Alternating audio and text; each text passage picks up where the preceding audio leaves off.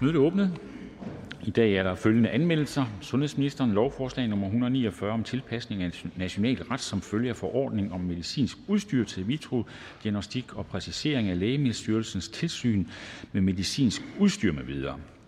Leif Lahn Jensen, Socialdemokratiet, Thomas Danielsen, Venstre, Karina Lorenz Denhardt, SF, Andreas Stenberg, Radikale Venstre, Peter Velblom, Enhedslisten, Maja Mercado, Konservative Folkeparti, Peter Skaarup, Dansk Folkeparti, Peter Seier Christensen, Ny Borgerlige, Ole Birk Olesen, Liberal Alliance, Susanne Zimmer, Frie Grønne, Torsten Gejl, Alternativet, Jens Rohde, KD, Aaja Chemnitz Larsen, IA, Lisbeth øh, Liselott Blixt, øh, uden for grupperne, Lars Løkke Rasmussen, uden for grupperne. Beslutningsforslag nummer 193 om at fjerne alle afgifter på benzin og diesel. Det er et borgerforslag.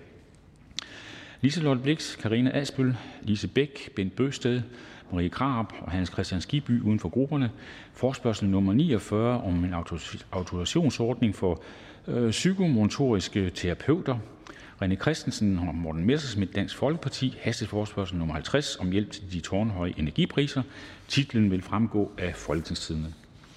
Udenrigsministeren har meddelt mig, at han ønsker i henhold til forretningsordens paragraf 19 stykke 4 at give Folketinget en skriftlig redegørelse om udvalgt, øh, udvalgte internationale organisationer, altså OSCE, Europarådet og Østersørådet.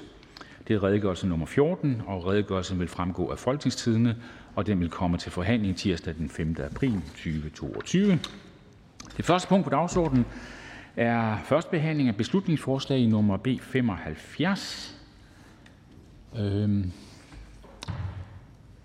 jeg konstaterer lige om øh, Ellen Trane Nørby, men at den er overtaget. Ja, godt, så kan vi køre. Øh, det er altså fortsat til holdbeslutning om en analyse og en reform af den samlede efter- og videreuddannelsessystem af Ellen Trane Nørby med Venstre. Forhandlingen åben, så er det først børne- og undervisningsministeren. Jeg skulle lige sikre mig, at der var en venstremand til stede. Jamen, tak for ordet, og tak for anledningen til at drøfte et efter min mening ufatteligt vigtigt øh, område, som desværre får alt for lidt omtale i den store offentlighed. Øh, hvilket godt kan undre, fordi at det er jo sådan set vores voksne- og efteruddannelsessystem, som er hele forudsætningen for, at man, når man skal være så mange år på arbejdsmarkedet, øh, også kan blive ved med at have øh, relevante kvalifikationer. Det er en grundforudsætning for grøn omstilling og alt muligt andet. Så det er ufatteligt vigtigt og fylder efter min mening alt for lidt. Så tak for at tage det her op. Og det, som der bliver lagt op til, er jo en omfattende analyse og reform af det samlede efter- og videreuddannelsessystem. Øh, og jeg vil sige det på den måde, at det har vi jo for så vidt sat i gang, fordi det er blandt andet det, Reformkommissionen øh, står for at skulle øh, lave. Og det vil sige, at for så vidt er vi enige om hele hensigten, nemlig at vi skal have gennemanalyseret det, og så skal der træffes nogle beslutninger. Og den første del er vi i gang med. Øh, men man kan sige, hvis man ligesom skal tage fat om baggrunden for, øh, hvorfor er det her område vigtigt, hvad er det, man skal med analyserne, hvad er det, vi gerne har ville, når vi har sat Reformkommissionen i gang med at arbejde med det analysearbejde, så er det jo simpelthen fordi, at øh, alting udvikler sig, og nogle ting udvikler sig langsomt, nogle ting og nogle gange udvikler ting sig lynhamrende hurtigt, øh, og det gør sig jo ikke mindst gældende for øh, arbejdsmarkedet. Det, man lærer som ung, Tænk på typograferne her øh, og typograffaget, at det, som dem, der nu i dag er 60, lærte, da de tog deres typografuddannelse som unge, er jo så i løbet af deres øh, øh tid på arbejdsmarkedet blevet øh, forældet, og man har skulle have nogle helt andre kvalifikationer øh, i forhold til at træde ind i den nye digitale tidsalder. Så tingene kan altså være forældet 10 år senere, 20 år senere eller mere, og derfor er der simpelthen behov for, at man både lærer Øh, for nogens vedkommende noget helt nyt, får et helt nyt fag. Der kan også være behov for, at man for nye udfordringer, man simpelthen har lyst til at skifte spor. Men det kan også være et spørgsmål om at lære nye teknikker inden for et fag, fordi tingene simpelthen inden for ens fag øh, har forandret sig rigtig meget. Så når verden udvikler sig, så er det jo så afgørende, at vi udvikler os med den, og vi som samfund stiller det øh, til rådighed, og at vi forsøger at holde os i takt med den verden, der er omkring os. Og det er jo præcis derfor, vi har voksen- og efteruddannelsessystemet, simpelthen for at holde os i takt med det arbejdsmarked, der udvikler sig. Øh, de gode muligheder på arbejdsmarkedet for ufaglærte og faglærte hænger i høj, øh, afhænger i høj grad af, om de har gode betingelser for løbende at kunne vedligeholde og udvikle deres kompetencer.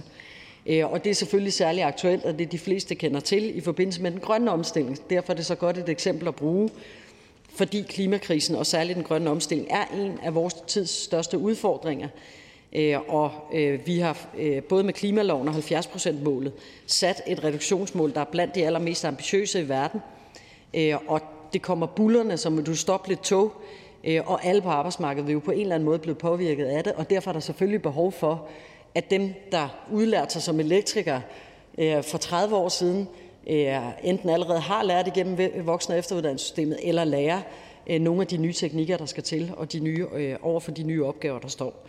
Så et velfungerende efter- og videreuddannelsessystem er fuldstændig afgørende for arbejdsmarkedet, så det er afgørende for os som samfundsøkonomi og helhed, men det er det selvfølgelig også for den enkelte i forhold til at kunne øh, bibeholde en plads på arbejdsmarkedet.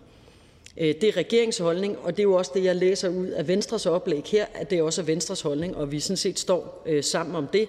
Og jeg vil tro, at det er en holdning, som samtlige partier i Folketinget deler. Øh, og det er måske, fordi der sjældent er meget konflikt om det, det ikke fylder så meget i pressen, eller også kan der være andre årsager til det, men det er i hvert fald virkeligheden. Øh, og der er udfordringer i efter- og videreuddannelsessystemet, som skal løses. Der har været en ret stor nedgang øh, hen over det sidste årti i forhold til anvendelsen af forskellige dele af vores efter- og videreuddannelsessystem. Det skal vi selvfølgelig gøre noget ved. Og regeringen er derfor også i gang med at både lave det analyseværk, der skal til igennem øh, eller reformkommissionen, men også i gang med at forberede de konkrete initiativer, som skal løfte kvalifikationerne for faglærte og ufaglærte og understøtte den grønne omstilling. Øh, og i det udspil, der hedder Danmark kan mere 1, stiller vi forslag om at gøre uddannelsesløftet permanent, og så er der jo så i øvrigt afsat midler til de nye øh, klimaerhvervsskoler, som både dækker unge, men jo også dækker de voksne. Øh, men altså, Reformkommissionen øh, arbejder lige nu med anbefalinger til voksen- og efteruddannelsesområdet, og det forventes at blive offentliggjort i starten af april. Det vil sige, at vi står meget tæt på at gøre analysearbejdet færdigt, og derfor kan det måske virke øh, lidt ved siden af at sætte et nyt analysearbejde i gang, når vi nu er ved at være færdige med det analysearbejde, der skal ligge til grund for de beslutninger, der skal træffes. Øhm, og så har vi trepartsforhandlinger på voksen- og efteruddannelsesområdet i det her forår også, og det ligger jo i forlængelse af, at Reformkommissionen kommer med deres anbefalinger, øh, og de forhandlinger vil blive sat i gang i løbet af det her forår, og det vil sige, det pågår der jo selvfølgelig også en masse forberedelse af øh, i de her dage. Så er der øh, ud over det en selvstændig diskussion, hvor jeg blandt andet har haft de forskellige parter rundt om VUC-sektoren inde, og i øvrigt parterne omkring AMU-sektoren inde. Fordi jeg synes også, at der er en diskussion om det strukturelle rundt om det, både i forhold til de økonomimodeller, de har, øh, men også i forhold til, hvad er det for en placering, de har i det samlede uddannelsesbillede, og hvad er det for en struktur, hvad er det for nogle rammer, de har rundt om sig. Og det er et arbejde, der nu har pågået vel det sidste halve års tid, og det vil sige, der har vi også en forventning om at kunne konkludere på de første dele øh, øh, i løbet af det her forår. Der er store vanskeligheder. Særligt har VUC-sektoren selvfølgelig lidt Øh, meget på økonomien øh, og på aktivitetsniveauet, fordi at en del af deres elever kommer over i det nye FGU-system. Og det tror jeg sådan set var det rigtige greb set med elevbriller, men det efterlader selvfølgelig en sektor med meget store vanskeligheder øh, på økonomien, fordi at det har givet et markant nedgang i antallet af af elever. Og på samme vis kan man sige, at et af de store problemer på tværs af både VUC og AMU er, at de er ekstremt udsatte for konjunkturudsvingninger. Og det er jo selvfølgelig godt, fordi det betyder, at man bliver suget ind på arbejdsmarkedet, når der er plads. Det skal vi jo være glade for.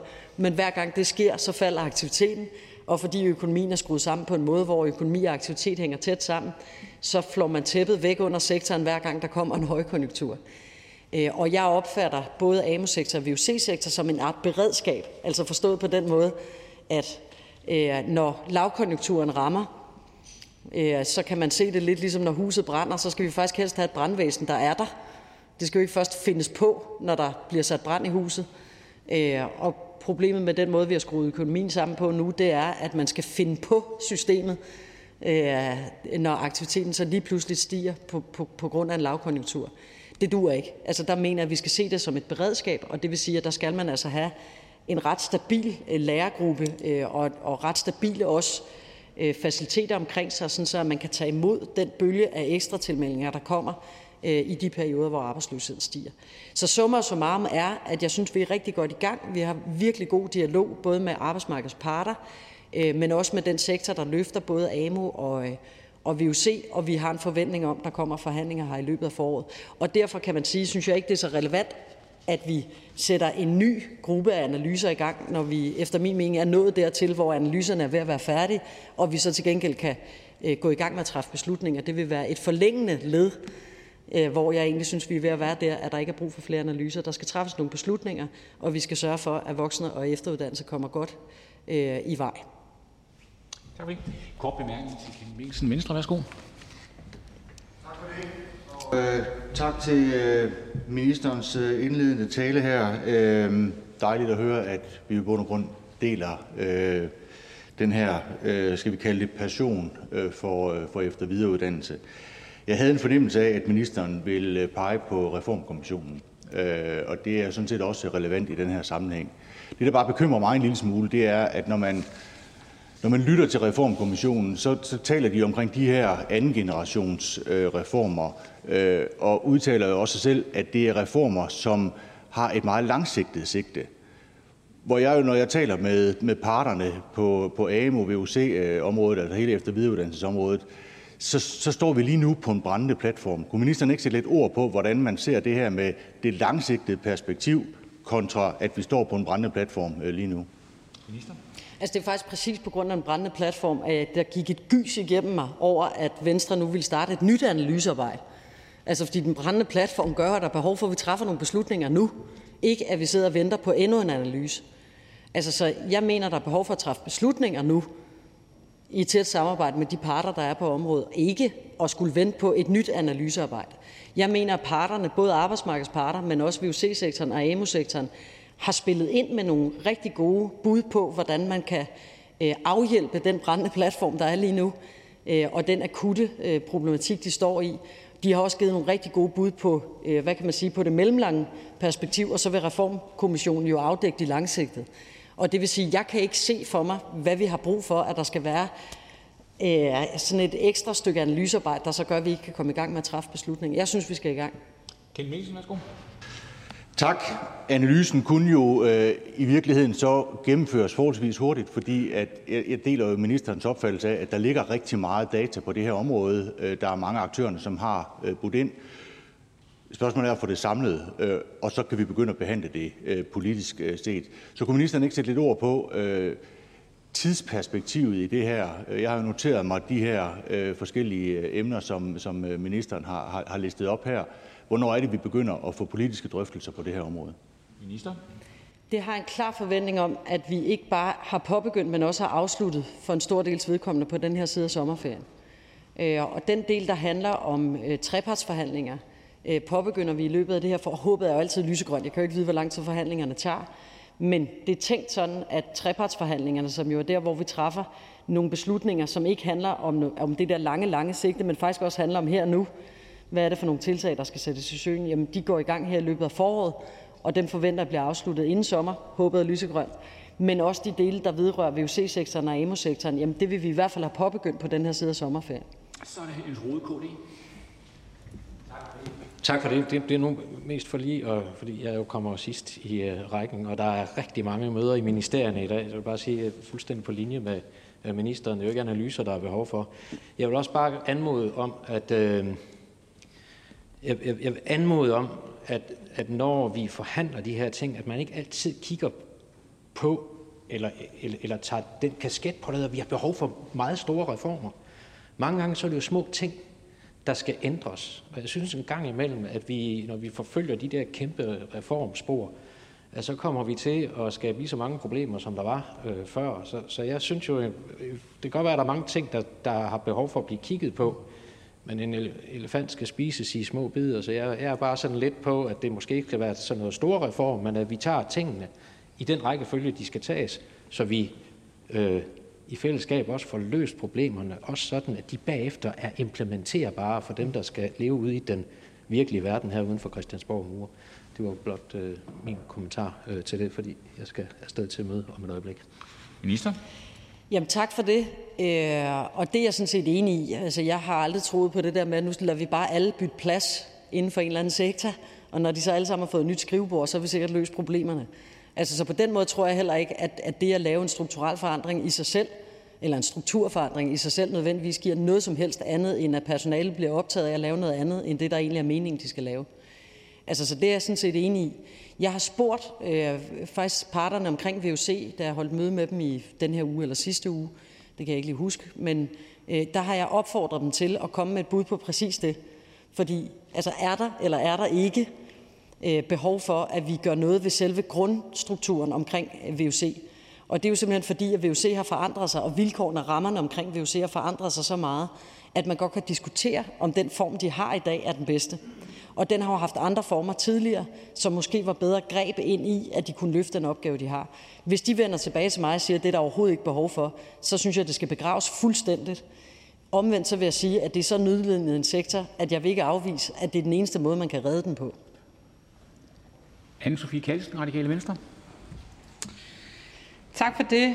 Øh, jeg øh, er sådan set enig i, at der ikke er behov for, at vi får lavet en fuldstændig grundlæggende analyse af det her, øh, fordi vi kender godt nogle af problemerne. Dem tror jeg egentlig, vi deler opfattelsen af i både øh, Venstre og Socialdemokratiet og Radikale Venstre, altså at vi er nødt til at have øh, en økonomisk model for vores efter- og videreuddannelsessektor, som også holder, når der er højkonjunktur, sådan at vi faktisk udnytter muligheden for en højkonjunktur til at få nogen rustet til en lavkonjunktur. Øh, til gengæld så, øh, så har vi også et ønske i Radikale Venstre om, at vi meget, meget snart får taget hul på nogle forhandlinger om det her, fordi nu har ministeren indkaldt til forhandlinger om øh, en ny institutionspolitik, som øh, blandt andet går på regeringens eget forslag om, at der skal ungdomsuddannelser ud i hele landet. Vi vil rigtig gerne, at det her bliver en del af de forhandlinger, så vi kommer i gang med forhandlingerne meget snart. Og så er jeg sådan set enig med, med KD i, at der måske ikke er behov for en fuldstændig øh, grundlæggende at kaste alle brikker op, men der er til gengæld behov for at få kastet en redningskrans ud, så det håber jeg, at ministeren vil give tilsavn om, at vi kan få i de forhandlinger. Minister? Jeg tror, at det var mig selv, der opholdt ordføreren, fordi vi havde et møde umiddelbart forinden, at vi skulle her i salen. Og derfor tror jeg sådan set, det er min skyld, at ordføreren kom lige et par minutter senere. Og det vil sige, det tilsavn noget, jeg giver til Venstres ordfører, inden Radikal kom efter et møde, som øh, var øh, på mit område. Så øh, det er helt selvforskyldt, at, at ordføreren ikke fik hørt den del. Men jeg har en forventning om, at vi kan påbegynde forhandlinger inden sommer. Og det vil sige i løbet af det her forår, at vi kan få afsluttet de ting. Jeg har påbegyndt inddragelsesprocessen i forhold til både VUC-sektor og AMO-sektor. Det har jeg faktisk gjort allerede inden jul. Øh, så det har været i gang et halvt års tid nu, og det vil sige, at jeg synes, vi begynder at have klodserne til det. Men det sidste spørgsmål, jeg stillede VUC-sektoren, som jeg lige har stillet, det var det her med, hvordan med den grundlæggende struktur. Altså, de er kommet med, jeg tror, det er 14 eller 15 bud på konkrete forandringer, altså hvor det netop er i den boldgade, som hr. Jens Rode nævnte. Øh, og, og jeg står sådan tilbage med, at jeg simpelthen er usikker på, om det vil løse det. Fordi at elevaktiviteten er faldet til så lavt et niveau, at jeg er i tvivl om, om det faktisk løser problemet. Og derfor har jeg sendt den tilbage med det spørgsmål. Altså, kan, det, kan, det, kan bukserne holde? Hans Fik Hansen, værsgo. Jamen, øh, så har ministeren været meget hurtig til at give øh, tilsavnet, for det er rigtigt, jeg kom lige øh, et par minutter senere ind i salen, men det er jeg selvfølgelig kun glad for. Jeg kan forstå det inden, inden sommer. Altså, vi ønsker, at de forhandlinger også er en del af dem, vi har nu om en ny institutionspolitik. Er det sådan, jeg skal forstå tilsavnet? Minister? Øh, nej, det er faktisk ikke sådan, det skal forstås. Og det er fordi, at jeg vil gerne, at vi kan sætte punktum for den del med institutionslovgivningen ret hurtigt. Og jeg vil gerne have et ordentligt svar fra VUC-sektoren, inden vi går i gang og derfor kommer vi til at sætte punktum for den ene aftale, inden vi går i gang med den næste. Og det er faktisk, fordi jeg er ufattelig glad for det princip, som hr. Jens Rode sagde, at en elefant skal spises i mindre bidder. Og det vil sige, at i stedet for at lave aftalen om alt, det har sådan en tendens til så at blive om ufatteligt lang tid, fordi alt først er færdigt om ufatteligt lang tid. Så vil jeg hellere sige, at vi sætter punktum for det ene, hvis vi kan nå det, og så går vi i gang med det næste. Hvis de forhandlinger trækker meget ud, så bliver det parallelle forløb. Så det får vi at se i forhold til forhandlingsvilligheden, eller hvad man skal sige, hos alle. Tak til ministeren. Der er ikke flere korte bemærkninger. Og vi går i gang med ordførerrunden, og først er det her Jens Joel.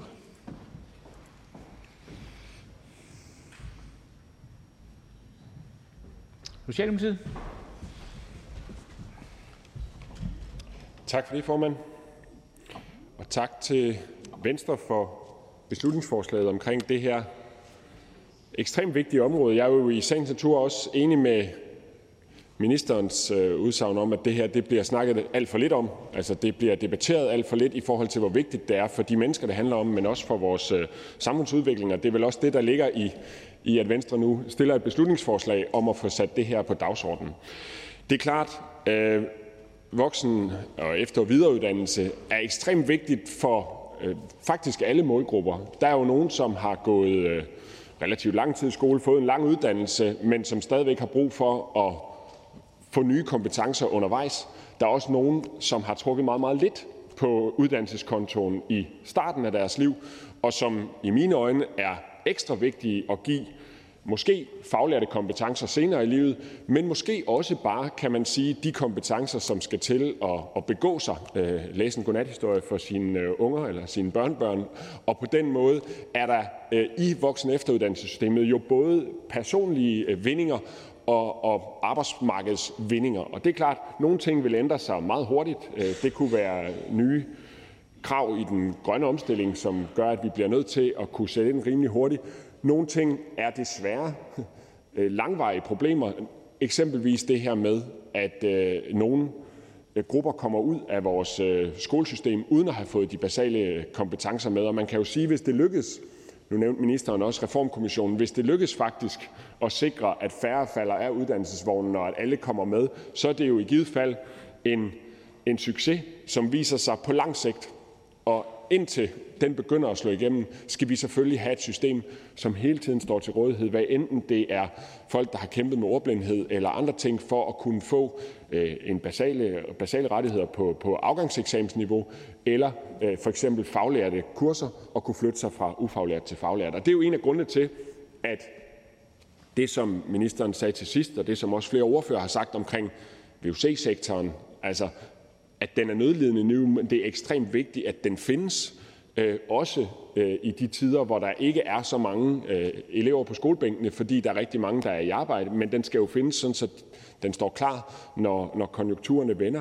Men, men det er jo også derfor, vi har lavet øh, eksempelvis vores permanente løft til de ufaglærte, som vælger at blive faglærte i nogle af de områder, hvor vi mangler arbejdskraft, og hvor vi så som en del af vores aftaler her har hævet øh, dagpengesatsen, man kan få, så man kan få 110 procent, hvis man er øh, i gang med at tage en faglært uddannelse. Så alt i alt synes jeg, at der i virkeligheden er ting, hvor vi, hvor vi har taget skridt, men der er bestemt også ting, og der er jeg enig med, med Venstres ordfører i det spørgsmål, der også blev sagt øh, stillet til ministeren, at der er også brændende platform, eksempelvis på VUC-området, hvor vi er nødt til meget snart at diskutere, og det er måske i virkeligheden også konklusionen her. Jeg, jeg deler ministerens opfattelse af, at vi har analyser nok. Vi ved godt, hvad problemet er, og det vi så skal, det er at bruge det her forår på både det, som vi er meget direkte involveret i, det kunne være diskussioner om VUC, men jo også det, vi er lidt mindre direkte involveret i, nemlig de trepartsforhandlinger, som vi selvfølgelig skal passe på, vi ikke går i vejen for, men som jo ikke desto mindre er ekstremt vigtige på voksen- efteruddannelsesområdet. Så vi støtter ikke beslutningsforslaget, men vi støtter jo, kan man sige, alle de øh, intentioner om at få sat det her på dagsordenen, og i øvrigt også om at træffe nogle beslutninger på området. Tak til ordføreren. Ingen kort bemærkninger, så vi går videre til fru Charlotte Broman Mølbæk. SF. Tak for det. Beslutningsforslaget lægger op til, at der skal foretages en analyse og et efterfølgende reform af det samlede voksen- og efter- og videreuddannelsessystem. Intentionen med beslutningsforslaget er god, og i SF er vi sådan set enige i, at der er plads til forbedringer af det eksisterende system. Det er et uoverskueligt og komplekst system, og det tror jeg mange af brugerne også vil give os ret i. Mere uddannelse og opkvalificering på de eksisterende og fremtidige mangelområder er helt nødvendige, også i perioder, hvor det går godt for vores samfund, og med svingende konjunkturer, der opstår, så forsvinder forandres hele brancher, og derved også opgaver for både faglærte og ufaglærte. Ja, alle typer uddannelser og erhverv, det øh, er en proces, der fortsætter, som også i dag stiller krav til os. Og derfor er vi faktisk glade for forslaget om at tænke grøn omstilling ind i systemet. Det har længe været SF's øh, ønske, at øh, der bliver lavet grøn prognoseværktøj, som jobcentrene kan bruge som et mere moderne redskab, når det kommer til at give opkvalificering til ledige, undskyld, ledige på de områder, der i fremtiden kommer til at mangle arbejdskraft i forbindelse med den grønne omstilling. Men vi er kritiske over for en analyse, der på forhånd foregriber konklusionerne, og jeg er også forbeholden over for en sammenlægning af VUC og EMU.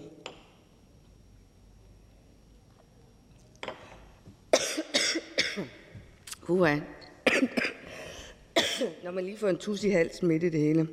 En sammenlægning vil potentielt bidrage til en øget centralisering, så vi ikke er sikre på, at det her det er den rigtige løsning.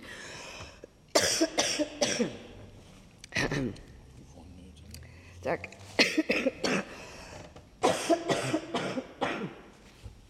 Nå. Og det er ikke corona, det har jeg haft. Nå, men jeg er desuden lidt nysgerrig på, hvordan forslagstiller har tænkt sig reformkommissionens anbefalinger, og hvordan trepartsforhandlingerne skal ind i beslutningsforslaget. Vi undrer os lidt over timingen også, da vi jo afventer reformkommissionens anbefalinger i forhold til forbedringer af systemet. For anbefalingerne burde jo være lige på trapperne her i foråret. Der er således en række elementer, jeg forestiller mig, at vi kan drøfte i udvalgsbehandlingen, og vi kan også være åbne for en eventuel at lave en beretning på beslutningsforslaget. Men med de bemærkninger, så uh, ser vi frem til det videre arbejde med forslaget. Der er en kort bemærkning til hr. Kenneth Mikkelsen. Værsgo. Tak. Jeg håber, at øh, ordføreren lige kan holde øh, et enkelt, øh, et enkelt spørgsmål. Fordi jeg noterede mig lige, at, at ordføreren, øh, og jeg tror, at det var sagt sådan her, øh, øh, en analyse, der foregriber konklusionerne, læser ordføreren ud af beslutningsforslaget. Det har jeg simpelthen behov for lige at få uddybet. Det forstår jeg ikke. Ordfører? Ja, tak for det. Jamen, noget af det, vi er bekymret for, det er, hvis man på forhånd sætter det hen i nogle bestemte retninger ud fra, hvordan konjunkturen har set ud lige nu. Det vi gerne vil, det er, at vi vil afvente de, øh, det arbejde, vi snart får for, for reformkommissionen, fordi det netop også går dybere ned i de længere lag, så vi ikke bare får taget det ud fra et nutidsbillede, men også øh, et billede, der, øh, der beror sig på, på, på noget over lidt længere tid. Ken Mikkelsen, Nej, så siger vi tusind tak til ordføreren. Der er ikke flere korte bemærkninger. Og går videre til fru anne Sofie Kallesen. Ja, tak for det.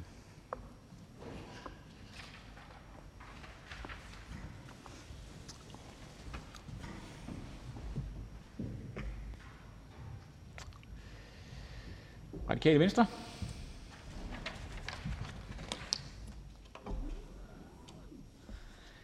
Øh, tak for ordet, øh, og tak til, øh, tak til Venstre for at stille et øh, beslutningsforslag på det her øh, område. Jeg synes, øh, som jeg også fik givet udtryk før, at det er enormt vigtigt, at vi kommer i gang med at få fundet øh, nogle løsninger. Det er der virkelig brug for øh, i den situation, vi står i nu, og jeg er fuldstændig enig med Venstre i de to, øh, de to hovedbehov, man ser for på den ene side øh, at få rustet flere ufaglærte, som er det, jeg selv adresserede før, og så også den del, der handler om den grønne omstilling. Øh, det, er, øh, det er de to øh, behov, der gør det ekstra presserende, og så er der så et tredje behov, som er, at vi ved, øh, eller det, der kommer til, det er jo, at vi ved, at øh, flere af de her institutioner er øh, lukningstruede nu, så derfor virkelig behov for, at der sker noget. Øh, og derfor tror jeg også, at det, vi har brug for nu, ikke så meget er en ny, et nyt analysearbejde, øh, men mere, at vi kommer i gang med nogle forhandlinger. Jeg synes, det er fornuftigt også lige selvfølgelig at, at se, hvad der kommer ud af Reformkommissionen øh, første, eller ikke første, men den næste delrapport, der kommer. Øh, det kan vi måske godt vente på, men så kan vi nok heller ikke øh, vente meget længere. Øh, og, øh, og derfor så synes jeg egentlig heller ikke, øh, som sagt, at, at det, der er brug for, er sådan at, at se på det hele øh, forfra igen. Øh, det, der er vigtigt for os i Radikale Venstre, er, at vi får kastet den økonomiske redningskrans ud til institutionerne. Øh, det hører jeg egentlig et tilsavn om øh, hos regeringen. Øh, dog vil jeg sige, altså jeg er faktisk oprigtigt en lille smule forvirret, men det kan være for lejlighed til senere at blive, blive oplyst om, hvad den præcise rækkefølge er på forhandlingerne. Vi er i gang med nogle forhandlinger nu omkring institutionslovgivning, og det ser jeg også for mig, at det, det kan vi nok godt afslutte inden. Så er der også nogle forhandlinger om, øh, nye udbud af ungdomsuddannelser, hvor min pointe er, øh, inden vi gør det, inden vi begynder at oprette noget nyt, så er der behov for, at vi får reddet øh, de eksisterende uddannelser, som er lukningstruede. Øh, så derfor er det vigtigt for os, at vi meget snart øh, får fundet en løsning på det. Øh, og det, øh, det glæder jeg mig så over, at også øh, Venstre øh, vil være med til at presse på for, øh, og selvfølgelig også over, at, at regeringen umiddelbart har givet et tilsavn om, og som jeg forstod, så havde regeringen endda givet tilsavn om, ikke bare at vi skal påbegynde forhandlinger, men også afslutte inden sommerferien. Og det sidste er jo en vigtig detalje i den sammenhæng. Så, så jeg vil sige tak til Venstre for et, et vigtigt beslutningsforslag, som vi deler intentionerne i. Øh, jeg tror ikke, det vil blive øh, nødvendigt for os så at sige, at stemme for det, og Øh, I virkeligheden ville det nok også, hvis det skulle have været, øh, så, skulle vi, så skulle vi have ændret øh, i det, fordi der er nogle af tingene, som vi heller ikke helt er enige i, i forhold til, øh, om der er behov for en analyse eller ej. Øh, men, øh, men intentionen støtter vi fuldt ud op om i Radikale Venstre. Tak til ordføreren. Ingen kort bemærkninger. Så vi kan gå videre til næste ordfører, som er hr. Jakob Sølhøj. Enhedslisten.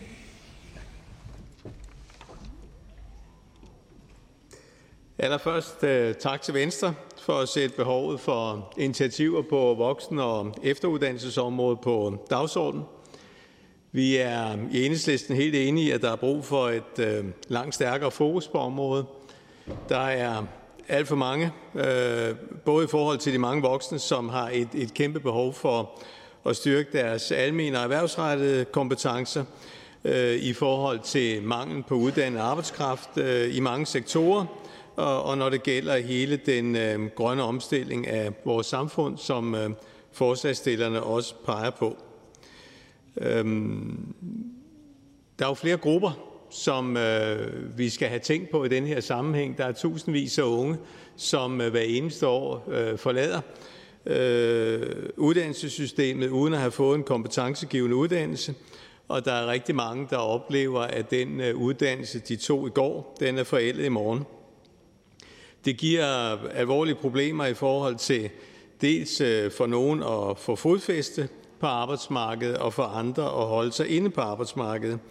Og derfor er det utrolig vigtigt, at vi forbedrer mulighederne for at tilegne sig faglærte kompetencer gennem voksenuddannelse Øh, og sikre et øh, både effektivt og fleksibelt efteruddannelsessystem.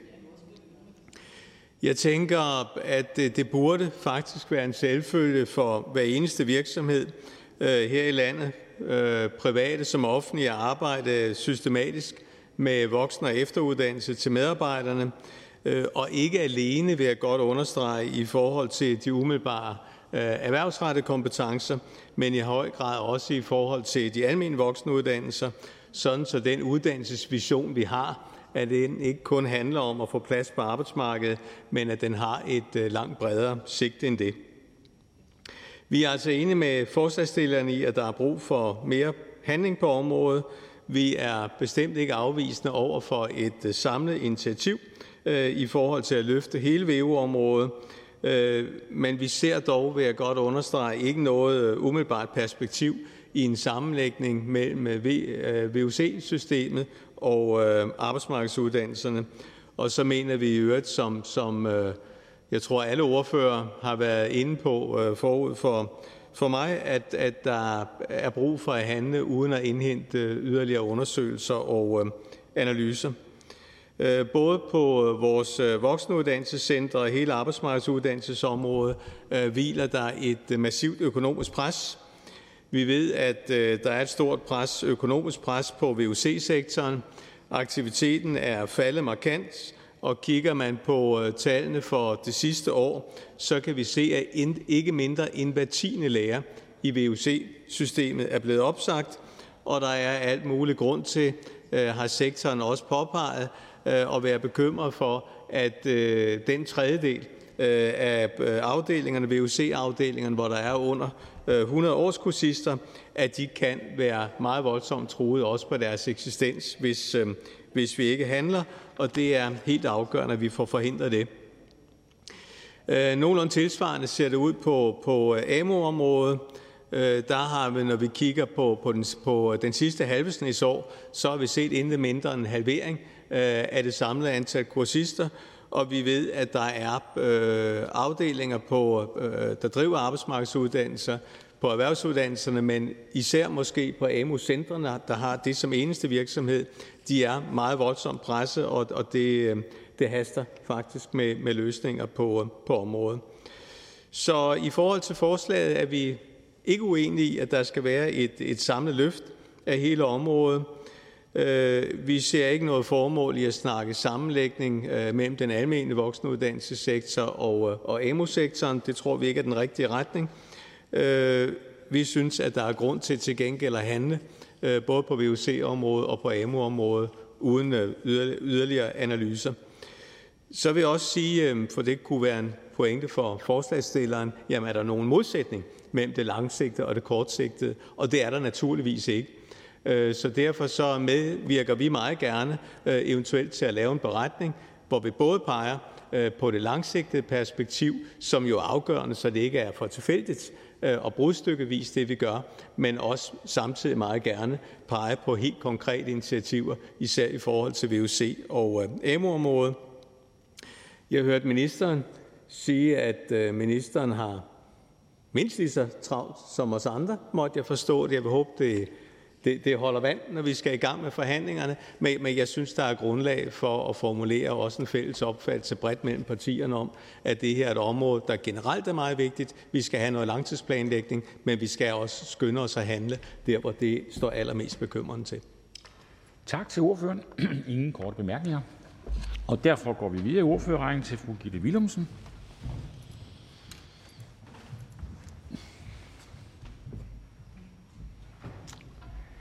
Konservative Folkeparti.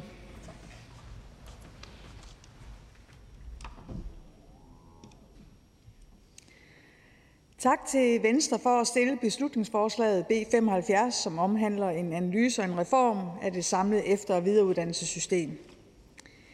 I Danmark er det muligt at dygtiggøre sig hele livet. Sådan skal det også være i fremtiden. Lige nu har både VUC og AMU store udfordringer, da søgningen til deres tilbud er reduceret betydeligt på grund af en høj arbejdsfrekvens, vi ser lige nu. Hvis vi ikke rækker en hånd ud, er der stor sandsynlighed for, at nogle tilbud må lukke, da deres økonomi begynder at være stærkt udfordret. Både VUC og AMU er to vigtige institutioner. De hjælper folk videre i deres arbejdsliv, ofte når noget er svært. Hvis man har mistet jobbet og gerne vil prøve noget nyt. Hvis du ikke længere kan tåle melstøvet i bageriet, hvis du ikke længere kan holde til rystelserne for trykluftbordet, hvis du ikke længere kan kravle rundt i garderoben og hjælpe børnehavebørn i flyverdragten, kort sagt, når du står over for et karriereskifte. Vi har et ønske om, at det også skal være muligt i fremtiden. Så når Venstre foreslår, at vi skal lave en, en analyse og indkalde til rundbordssamtaler med uddannelsesaktørerne, så finder vi det som en rigtig god idé. Dette handler om, at vi skal fremtidssikre vores efter- og videreuddannelsessystem. Vi ved, at fremtiden kræver nye kompetencer på jobmarkedet, og det skal man have mulighed for at finde sig til rette i. Det kan være den grønne omstilling, nye IT-kompetencer eller måske også robotteknologi.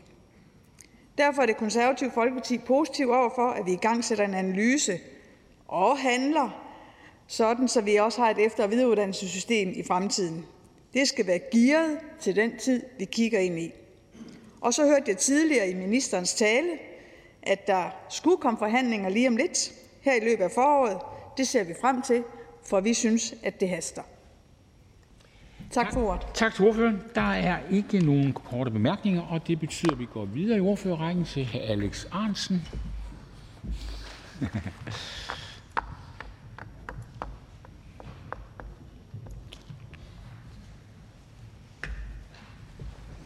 Dansk Folkeparti. Formand. Så formelt. I Dansk Folkeparti er vi helt enige i behovet for at se på efter- og videreuddannelsessystemet, så tak til Venstre for at have øh, fremsat beslutningsforslaget. Og det skyldes jo, at i den omskiftelige verden, vi er en del af, er der et stigende behov for at sikre øgede kompetencer til alle på arbejdsmarkedet. Og i særdeleshed særdeleshed øh, kompetencer til dem, som ikke har så meget uddannelse i forvejen. Som alle ved, har vi jo en lav øh, ledighed for tiden, hvilket betyder, at alle har gode muligheder for at få et job, også helt ufaglærte, og det er jo fantastisk. Men når konjunkturerne vender, og med krig i Europa, er det ikke til at forudsige, hvad der sker, og så er det forventeligt, at nogen eller mange ufaglærte eller dem med lidt uddannelse vil miste deres job. Og på det tidspunkt har vi brug for et effektivt efter- og videreuddannelsessystem til at give det løft i uddannelserne, som gør, at man hurtigt kan få de rette kompetencer til at komme tilbage på arbejdsmarkedet. En del af analysen og drøftelserne bør også handle om, hvordan det kan sikres, at også ufaglærte i job får mulighed for at få øget formelle kompetencer, noget som enhedslisten i mange år har talt for, så de lettere fastholder jobbet, også når konjunkturerne vender. Det er så vigtigt. Det system, vi har i dag, hvor blandt andet AMU-systemet er styret af, hvad parterne kan blive enige om, er med til at gøre systemet stift en gang imellem. Og den manglende smidighed mindsker virksomhedernes lyst og mulighed for at benytte systemerne i forbindelse med et kompetenceløft af medarbejderne. På den ene side kan man selvfølgelig sige, at det er rigtig fint, hvis virksomhederne selv finder og betaler for den uddannelse, deres medarbejdere har brug for. Men tanken med AMU om, at det skal være formelle kompetencer, som er brugbare på tværs af virksomheder, er jo fornuftig. I forhold til VUC er efterspørgselen også svingende, og det er et verdensbarn med oprettelsen af den forberedende øh, grunduddannelse – har vi politisk med åbne øjne flyttet en del af eleverne væk fra VUC. Og det mener vi i Dansk Folkeparti var det helt rigtigt at gøre. Vi står ved det. Men det giver, det giver selvfølgelig også udfordringer for VUC, særligt i en situation, hvor arbejdsløsheden er meget lav, og VUC derfor generelt har færre elever, der søger. Vi kan derfor fra Dansk Folkeparti kun bakke op om behovet for at få en proces og dialog med alle parter om, hvordan vi kan sikre et efter- og videreuddannelsessystem, som reelt er til stede i hele landet. Det er vigtigt, at der ikke er for langt til uddannelsesstedet, hvis det skal lykkes at få denne gruppe, som ofte i forvejen har en dårlig oplevelse med at sidde på skolebænken, til at tage en uddannelse. Der er behov for analysen, dialogen og smidigheden fra alle til at skabe en god løsning. Og det håber vi i Dansk Folkeparti, at vi kan blive enige om på tværs af salen. Og hvis ikke regeringen er med på at støtte forslaget, sådan som det ligger, og det hører jeg jo lidt, at regeringen ikke helt er, så vil vi opfordre til, at der søges enighed om en beretning. Det helt afgørende er, at vi kommer i gang, og at regeringen vil påtage, påtage sig sit ansvar for, at det lykkes. Tak for ordet. Tak til ordføreren. Ingen kort bemærkninger, og det betyder, at nu går vi videre til fru Mette Thiesen.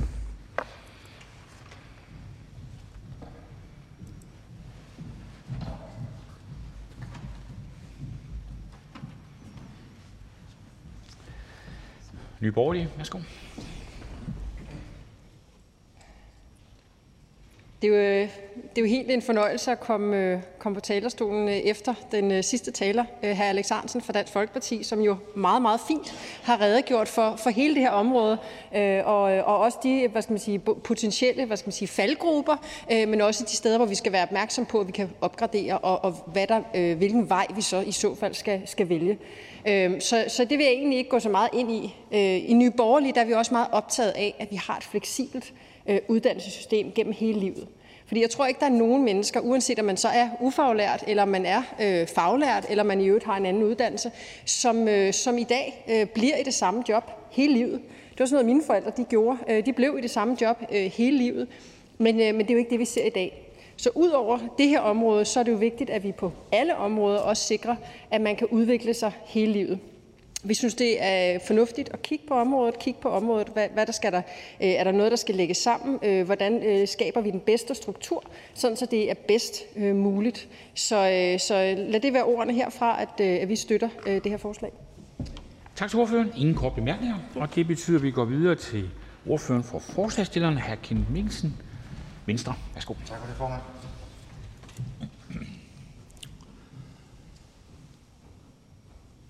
Lad mig starte med en, øh, med en personlig oplevelse. For 4-5 år siden blev jeg inviteret ud på en større virksomhed i, øh, i Herningområdet. De havde øh, screenet deres medarbejdere. Direktørerne i selskabet var gået forrest. Havde også fået konstateret, at der var mangler, hvis jeg må kalde det sådan, øh, på nogle af de almene kompetencer. Der var en enkelt direktør med ordblindhed. Øh, der blev etableret kurser af forskellige art på, øh, på virksomheden, og det jeg så var inviteret ud til, det var kan man sige, evalueringen af det forløb, som medarbejderne havde været igennem. 4-5 år senere, altså i dag, kan jeg mærke, at jeg får gåsehud på armene af at tænke tilbage på den oplevelse. Fordi det, jeg blev mødt af, det var medarbejdere, som sad med tårer i øjnene og fortalte om, at for første gang kunne de nu begynde at hjælpe deres børn med at lave lektier. Jeg blev mødt af en værkfører, som med rystende stemme fortalte, at han i 22 år, hver eneste gang der skulle laves en anbefaling til en kollega, så skulle han finde på en undskyldning for lige at få en anden til at skrive øh, den her øh, anbefaling. Og jeg starter med den historie, fordi at det er jo lige nøjagtigt det, som uddannelse og den her type af uddannelse, som vi taler i dag, kan. Det har kæmpe indvirkning, det har kæmpe betydning for mennesker. Og i den historie, jeg lige har refereret, der har det faktisk også rigtig, rigtig stor betydning for vores virksomheder. Så det var en stærk oplevelse, jeg selv har prøvet, øh, og måske også en af baggrundene for, at, at jeg føler meget øh, og deler øh, ministerens øh, holdninger omkring øh, hele efter videreuddannelsesområdet, øh, og har et brændende ønske om, at vi rent faktisk også, øh, også politisk taler øh, mere om det.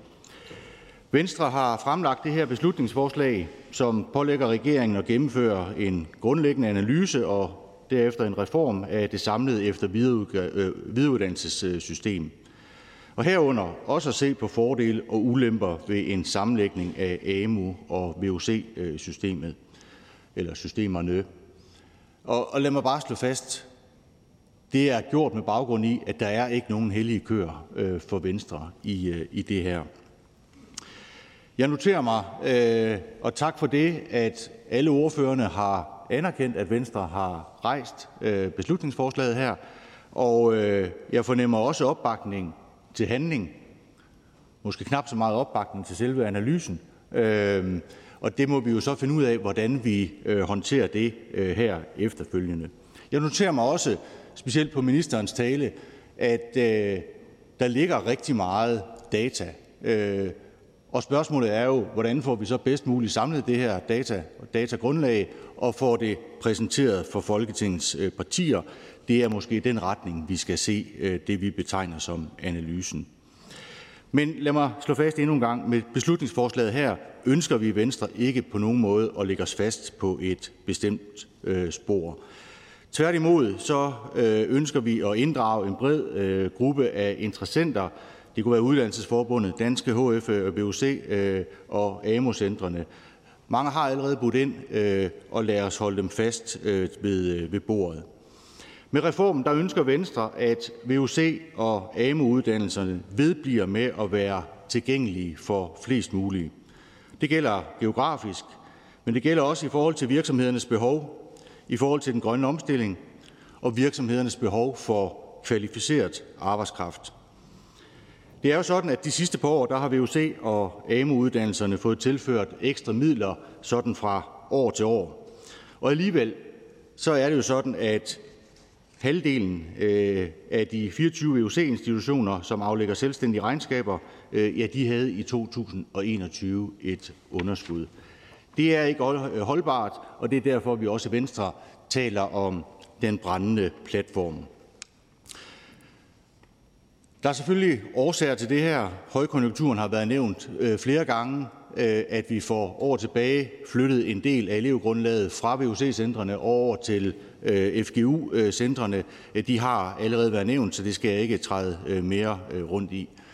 Men vores intention med det her er, at vi skal finde mere varige løsninger, så vi ikke år efter år kaster redningskranse ud til de her øh, institutioner.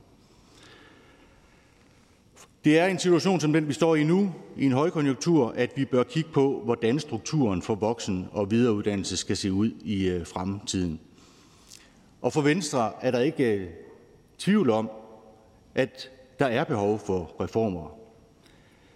Vi er i Venstre blevet kontaktet af rigtig mange øh, aktører. Øh, alle påpeger øh, behovet for, at der handles nu, mange har også bemærket dagens beslutningsforslag og har ragt ud til os øh, i den forbindelse. Og jeg tænker også, og det har ministeren så set allerede bekræftet, at ministeren jo også bliver kontaktet og får en række lignende henvendelser som dem, vi har fået i Venstre. I Danmark der mangler vi kvalificeret arbejdskraft, især inden for fag, der skal bidrage til den grønne omstilling, og det er vigtigt, at særligt de kortuddannede øh, bliver opkvalificeret. Og her spiller VUC og andre voksen- og arbejdsmarkedsrettede uddannelser en helt central rolle.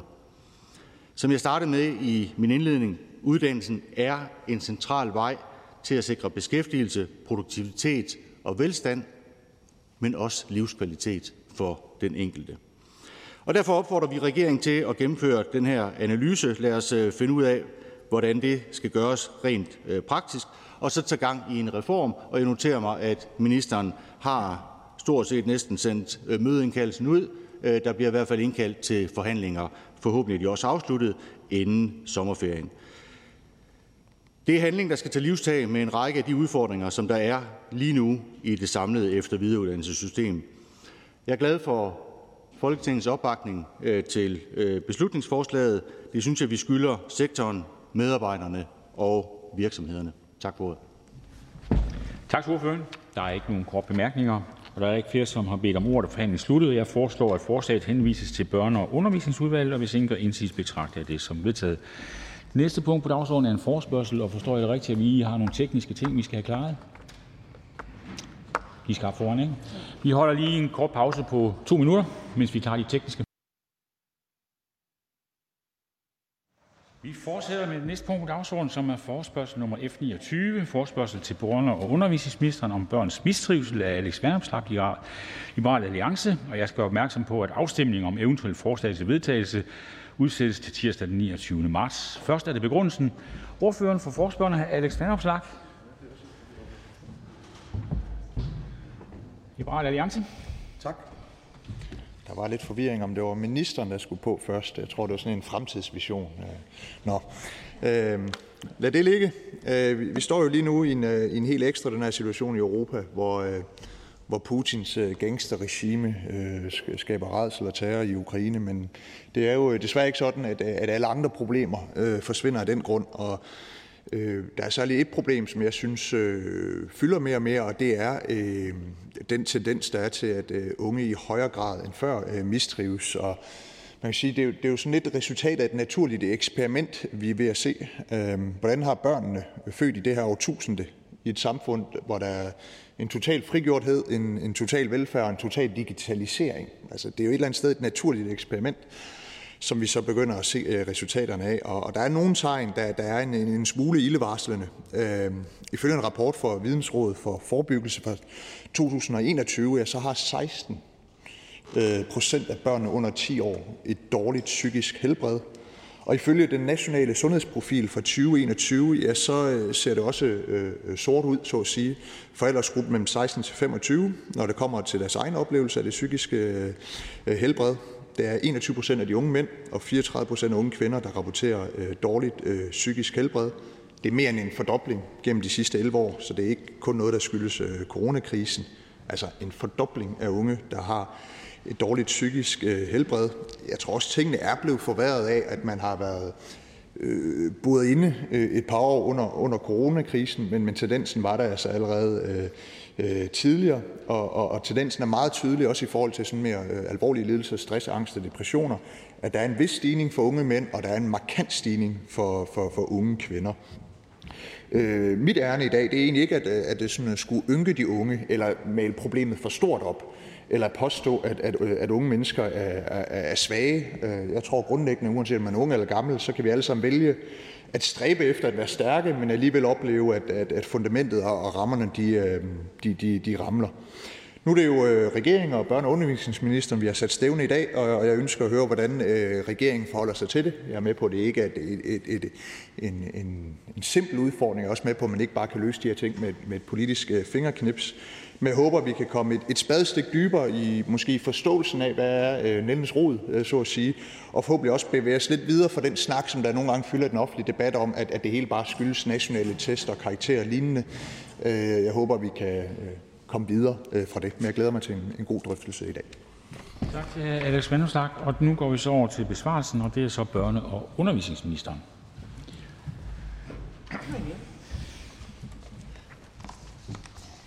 Tak for det. Ja, og givet det var så let, at man bare kunne løse det med et fingerknips. Det tror jeg egentlig, at vi alle sammen øh, utrolig gerne øh, ville kunne. Øh, jeg synes, det er et enormt vigtigt emne, det her. Det bevæger sig på tværs af forskellige ministerområder, øh, og jeg opfatter det på Børne- og Undervisningsministeriets område som en af kerneopgaverne øh, at forholde sig til øh, den trend, vi ser over hele den vestlige verden. Øh, så tusind tak for at sætte øh, den her debat på dagsordenen i Folketingssalen i dag. Vi ser selvfølgelig med utrolig stor alvor øh, fra regeringens side på øh, den stigende mistrivsel øh, blandt børn, ikke bare i Danmark, men i hele den vestlige verden. Det skader selvfølgelig det gode børneliv, og for nogens vedkommende sætter det sig også spor ind i voksenlivet. Og børn i mistrivsel bliver selvfølgelig udfordret, både i forhold til deres skolegang og læring, men også i forhold til venskaber og fritidsliv.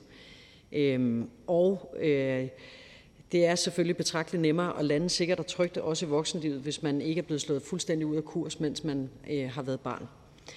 Det gør et kolossalt indtryk på mig, når den nationale øh, sundhedsprofil øh, viser, at 34,4 procent af kvinderne, og det var også et af de tal, som øh, ordføreren var inde på her, i alderen 16-24, har den laveste score på den mentale øh, helbredsskala. Vi skal tage øh, højde for selvfølgelig, som ordføreren også sagde, at undersøgelsen er lavet under nedlukningen. Og der tror jeg, der er flere af os, der kan skrive under på, at det har måske ikke været den sjoveste periode i ens tilværelse.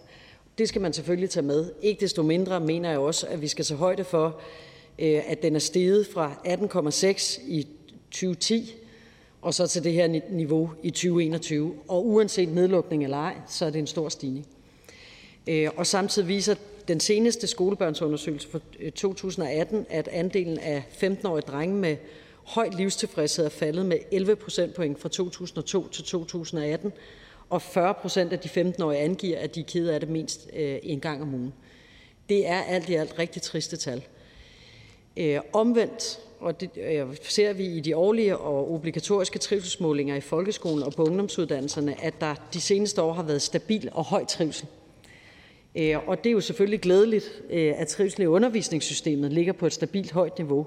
Men det undrer mig, Øh, at trivselsundersøgelserne er så forskellige.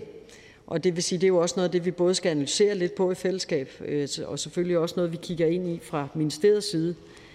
Øh, en af de centrale årsager til forskellen er, at trivselsmålingerne måler skoletrivsel. Altså hvordan børn og unge trives i deres skoleliv i egenskab af at være elever på en skole. Det er det, de undersøgelser fokuserer på, hvor andre trivselsundersøgelser måler øh, elevernes trivsel i en bredere forstand, altså kigger eksempelvis også mere målrettet på børn og unges trivsel i hjemmet og i fritiden og i forhold til fysisk og mental sundhed i det hele taget. Øh, og det vil altså sige, at man som barn kan komme fra et belastet hjem med fraværende forældre, fulde forældre eller noget, der ligner voldelige forældre, og dermed generelt have en lav øh, trivsel, men kan omvendt se skolen som det frirum og der, hvor man får luft, og derfor faktisk have en høj skoletrivsel, og derfor bonge fuldstændig forskelligt ud i de undersøgelser. Øhm, det er en høj prioritet fra regeringens side både at få analyseret dybere ned i det her, men selvfølgelig også, at vi får øget trivsel blandt øh, børn og unge helt generelt set. Øh, det, det er et samfundsproblem, og jo ikke kun i Danmark, og det skal vi huske på, fordi i forhold til, hvad er det for redskaber, og hvordan analyserer vi det, så skal man se det på tværs af den vestlige verden, hvor det her gør sig øh, gældende. Øh, jeg synes også, det kalder på præcis det, ordføreren siger, at vi skal kigge øh, på flere forskellige løsninger, fordi der er ikke en enkel vej til at komme de her problemer til livs. Øh, og regeringen har jo så foreslået som del af sundhedsreformen, at der bliver skabt et bredt partnerskab for trivsel og bevægelse og sunde fællesskaber under overskriften Generation Aktiv. Og det er jo simpelthen, fordi vi ikke opfatter, at de her problemer alene er individuelle, at de nok i højere grad handler om fællesskaber, og vi har brug for idrætsforeninger og erhvervsliv, organisationer, kommuner, skoler, alle de steder, hvor man kan bygge fællesskaber øh, for at styrke nettet også rundt omkring det enkelte individ. Og så har vi i gang sat arbejde med en 10-årsplan for psykiatrien. Øh, Sundhedsstyrelsen har offentliggjort et fagligt oplæg, hvor børn og unge også har en helt fremtrædende rolle. Øh, og så har Børne- og Undervisningsministeriet desuden i gang sat et internt arbejde for at udvide de nationale trivselsmålinger i skolen. De nuværende målinger suppleres med nye spørgsmål, øh, der også kigger på elevernes samlede trivsel. Og så er der et andet internt arbejde, hvor der udvikles en ny indikator, som kan opgøre andelen af elever, der er i risiko for at mistrives i skolen.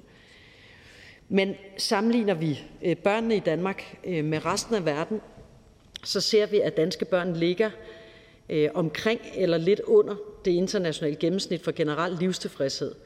Øh, samtidig så viser en PISA-undersøgelse fra 2018, at 15-årige danske elever oftest, øh, oftere føler sig lykkelige eller livlige eller i godt humør end flertallet af andre lande. Ligesom at skolebørnsundersøgelsen fra 2018 viser, at færre elever i Danmark end i de fleste lande ofte føler sig nervøse. Så sammenlignet med andre lande ligger øh, forskellige aspekter af trivsel for Danmark altså lige omkring øh, øh gennemsnittet eller lidt over på dele af det og lidt under på noget andet.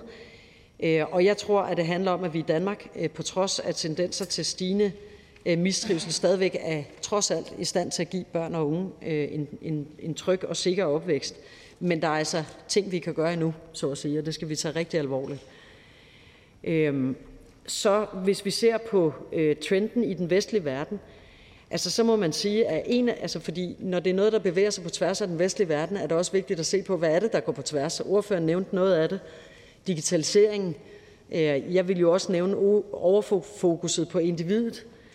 Øh, og jeg vil også nævne, at, at den overteoretisering, som jeg opfatter sker af skolen, øh, at pligterne er blevet færre, og at børn får at vide, at mulighederne er uendelige, er nogle af de ting, vi skal ind og kigge på. Altså fordi på mange måder har det aldrig været bedre at være barn end i den vestlige verden og i Danmark i de her år. Der er tryghed, der er velstand, der er uddannelse på nogle helt andre niveauer, end der var, hvis vi spoler tiden 50 år tilbage. Øh, det er i dag svært at forudse, hvor man ender, baseret på, hvor man starter, og der er sket rigtig mange bevægelser i den rigtige retning. Så hvorfor stiger mistrivselen så?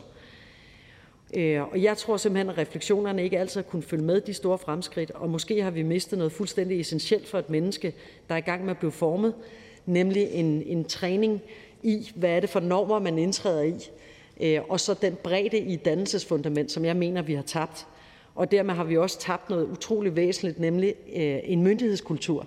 Altså det at få et, et, et barn fra at være barn til at blive til en myndig voksen.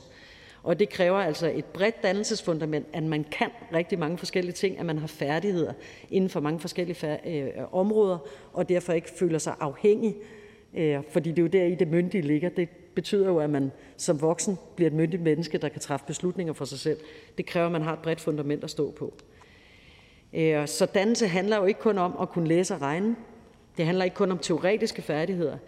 Øh, det handler om at blive til hele mennesker med alt, hvad det indbefatter. Og jeg har nogle gange, når vi har talt sammen i lidt mere lukket rum, øh, sagt, at, at i gamle dage, der talte man om børn, der kom fra hjem med klaver.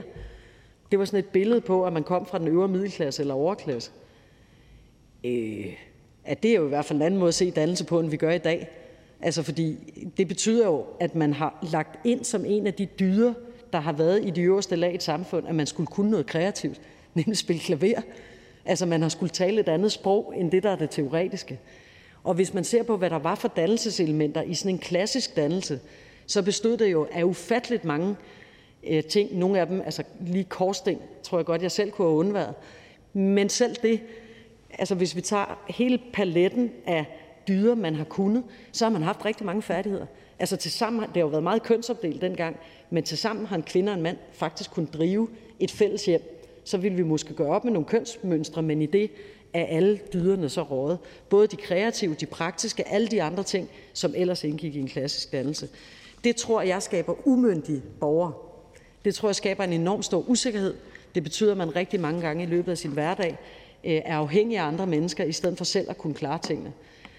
Øh, så i tre, og så vil jeg sige, og det er jo så det, det ene element, som jeg mener er afgørende, når vi griber fat om det her, det er også en trend, der går på tværs øh, i, øh, globalt.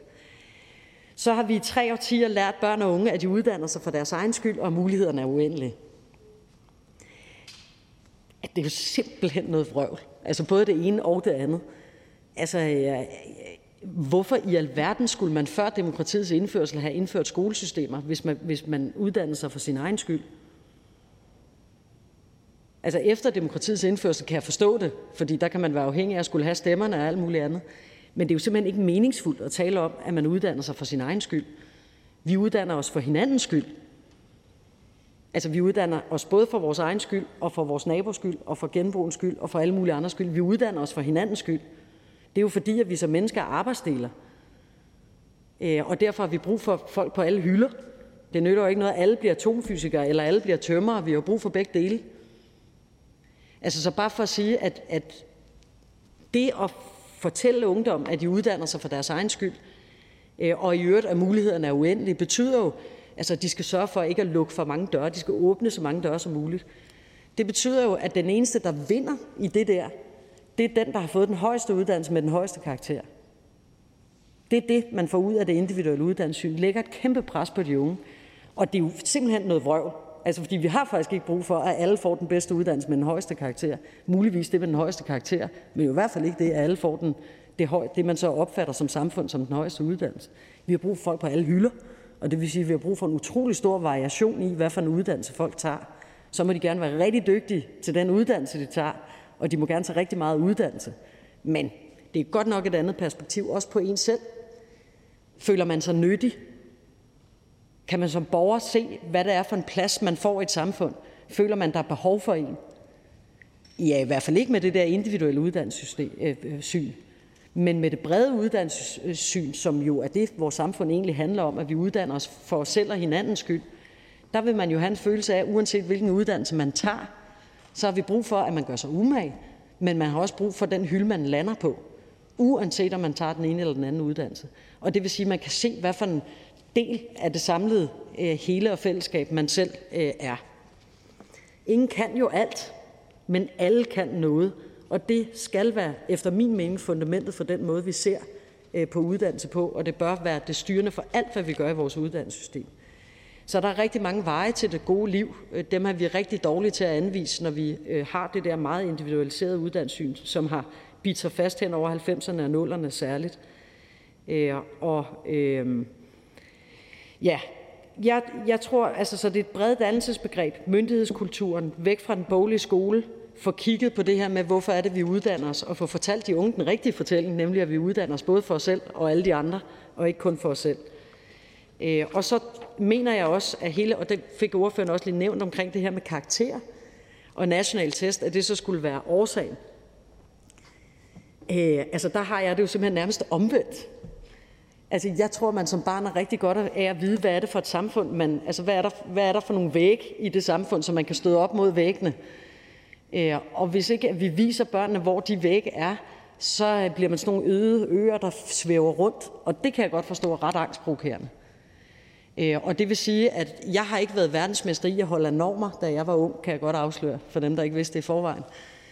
Øh, men når jeg synes, det er vigtigt, også for mig selv, at have lært normerne, så uanset om man kan lide normerne eller ikke kan lide normerne, hvis ikke man kender dem, så aner man ikke, hvad det er for et samfund, man er en del af, og man bliver en fritsvævende øde ø. Øh, og øh, og det, det duer slet ikke. Altså så selv hvis man gerne vil gøre oprør mod nogle normer, som jeg gerne ville som ung, så kræver det, at man ved, hvad normerne er. Ellers så ved man ikke engang, hvad man skal gøre oprør mod. Og det vil sige, at selv for den ene og den anden del af ungdommen, hvad enten man kan lide normerne eller ej, så bliver man nødt til at vide, hvad de er, for at vide, hvad det er, man er en del af. Og det giver også de der vægge af sikkerhed omkring en, som gør, at man kan finde ud af at navigere øh, i det samfund og fællesskab, man indgår i. Øh, og det vil sige, at den der normløshed, som er kommet over vores meget individfokuserede digitale samfund, nogle gange aner ungerne jo ikke engang, om de diskuterer ting, der foregår i USA, eller de diskuterer ting, der foregår i Danmark, for det hele er taget ned fra TikTok. Altså, så det at lære at kunne navigere i den her verden, tror jeg er rigtig vigtigt. Og så tilbage til karakter. Hvis ikke, og jeg mener karakter og test, og det skal jo selvfølgelig ikke være på en måde, så det flyder ud over hele skolesystemet, men på det niveau, vi har nu, mener jeg sådan set bidrager til, at børnene får nogle væg at spille op af. De ved, hvor de er henne i forhold til verden. De ved, hvad vi forventer af dem. De ved, hvad vi forventer af dem, øh, også senere hen i tilværelsen. Øh, og derfor så mener jeg overhovedet ikke, at karakter og trivsel er hinandens modsætninger, faktisk tværtimod. Øh, fordi at det giver eleverne et pejlemærke for deres faglige udvikling, som er til at forstå, i stedet for noget snak, man måske, måske ikke kan forstå. Øh, og det vil sige, uden karakterevaluering, der mener jeg simpelthen, at vi lader de unge svæve i et tomrum, hvor de er uvisse om, hvordan de indgår i verden, og hvad de kan gøre for at påvirke deres verden. Øh, så det er jeg meget bekymret ved ideen om, om karakterfri skoler. Det har jeg sagt meget tydeligt i nogle af de forhandlinger, vi har haft om det. Øh, og dermed jo ikke sagt, at der ikke er problemer med den karakterskala, vi har nu. Altså, fordi den har alle mulige problemer, vi skal have fikset. Der er alt for langt mellem springene, som betyder, at man ikke kan mærke sin faglige progression. Hvis man er meget glad for karakterer, er man jo glad for dem netop, fordi man kan mærke, hvad ens forhold til verden er. Så nytter det jo ikke noget, at springene er så store, at man skal flytte sig så meget, at man aldrig når en ny karakter. Så der er alle mulige problemer i det. Sidst, men ikke mindst, nu fik jeg sagt alt muligt, jeg har taget et helt katalog med af de ting, vi har beskæftiget os med, som handler om trivsel, selvom det er flettet ind på alt andet. Det når jeg ikke. Men bare for at sige, at det her er jo noget, der på alle tænkelige måder fylder, også hos alle ordførerne, og derfor spejler det sig ind i utrolig mange aftaler, vi har indgået. Tak til ministeren. Tak for det. Nu er der mulighed for en kort bemærkning for de ordfører, der måtte ønske det. Og først er det her Alex Vanopslag, Liberal Alliance. Tak for det, og øh, tak for en, en, en reflekteret og øh, begavet tale. Det er ikke alt, jeg er enig i, men, men jeg synes, der blev sagt der mange kloge ting, øh, særligt i forhold til karakterer. Altså, hvis man fjerner dem, så bliver rammerne jo endnu mere flydende, og, og børnelivet bliver mere, mere stressende. Jeg er også meget enig i det her med, at, øh, at færdigheder er jo forudsætning for, øh, for myndighed, øh, og at det, meget af det handler om, om myndighedskultur. Også hos lærerne. Altså, at lærerne har mistet myndighed og mistet autoritet øh, af pædagogiske årsager, snarere end politiske måske, men, men der også er et, et, et, et tab der, og også enig i forhold til det her med, sådan tale om, du kan blive til lige, hvad du vil, du skal bare vælge noget, du har lyst til. Ja, så kan man både fejle, hvis ikke man bliver lige, hvad man vil, man kan også fejle, hvis det er, man ender med at, at finde noget, man ikke lige brænder 100% for. Teoretisk kan det jo være noget andet.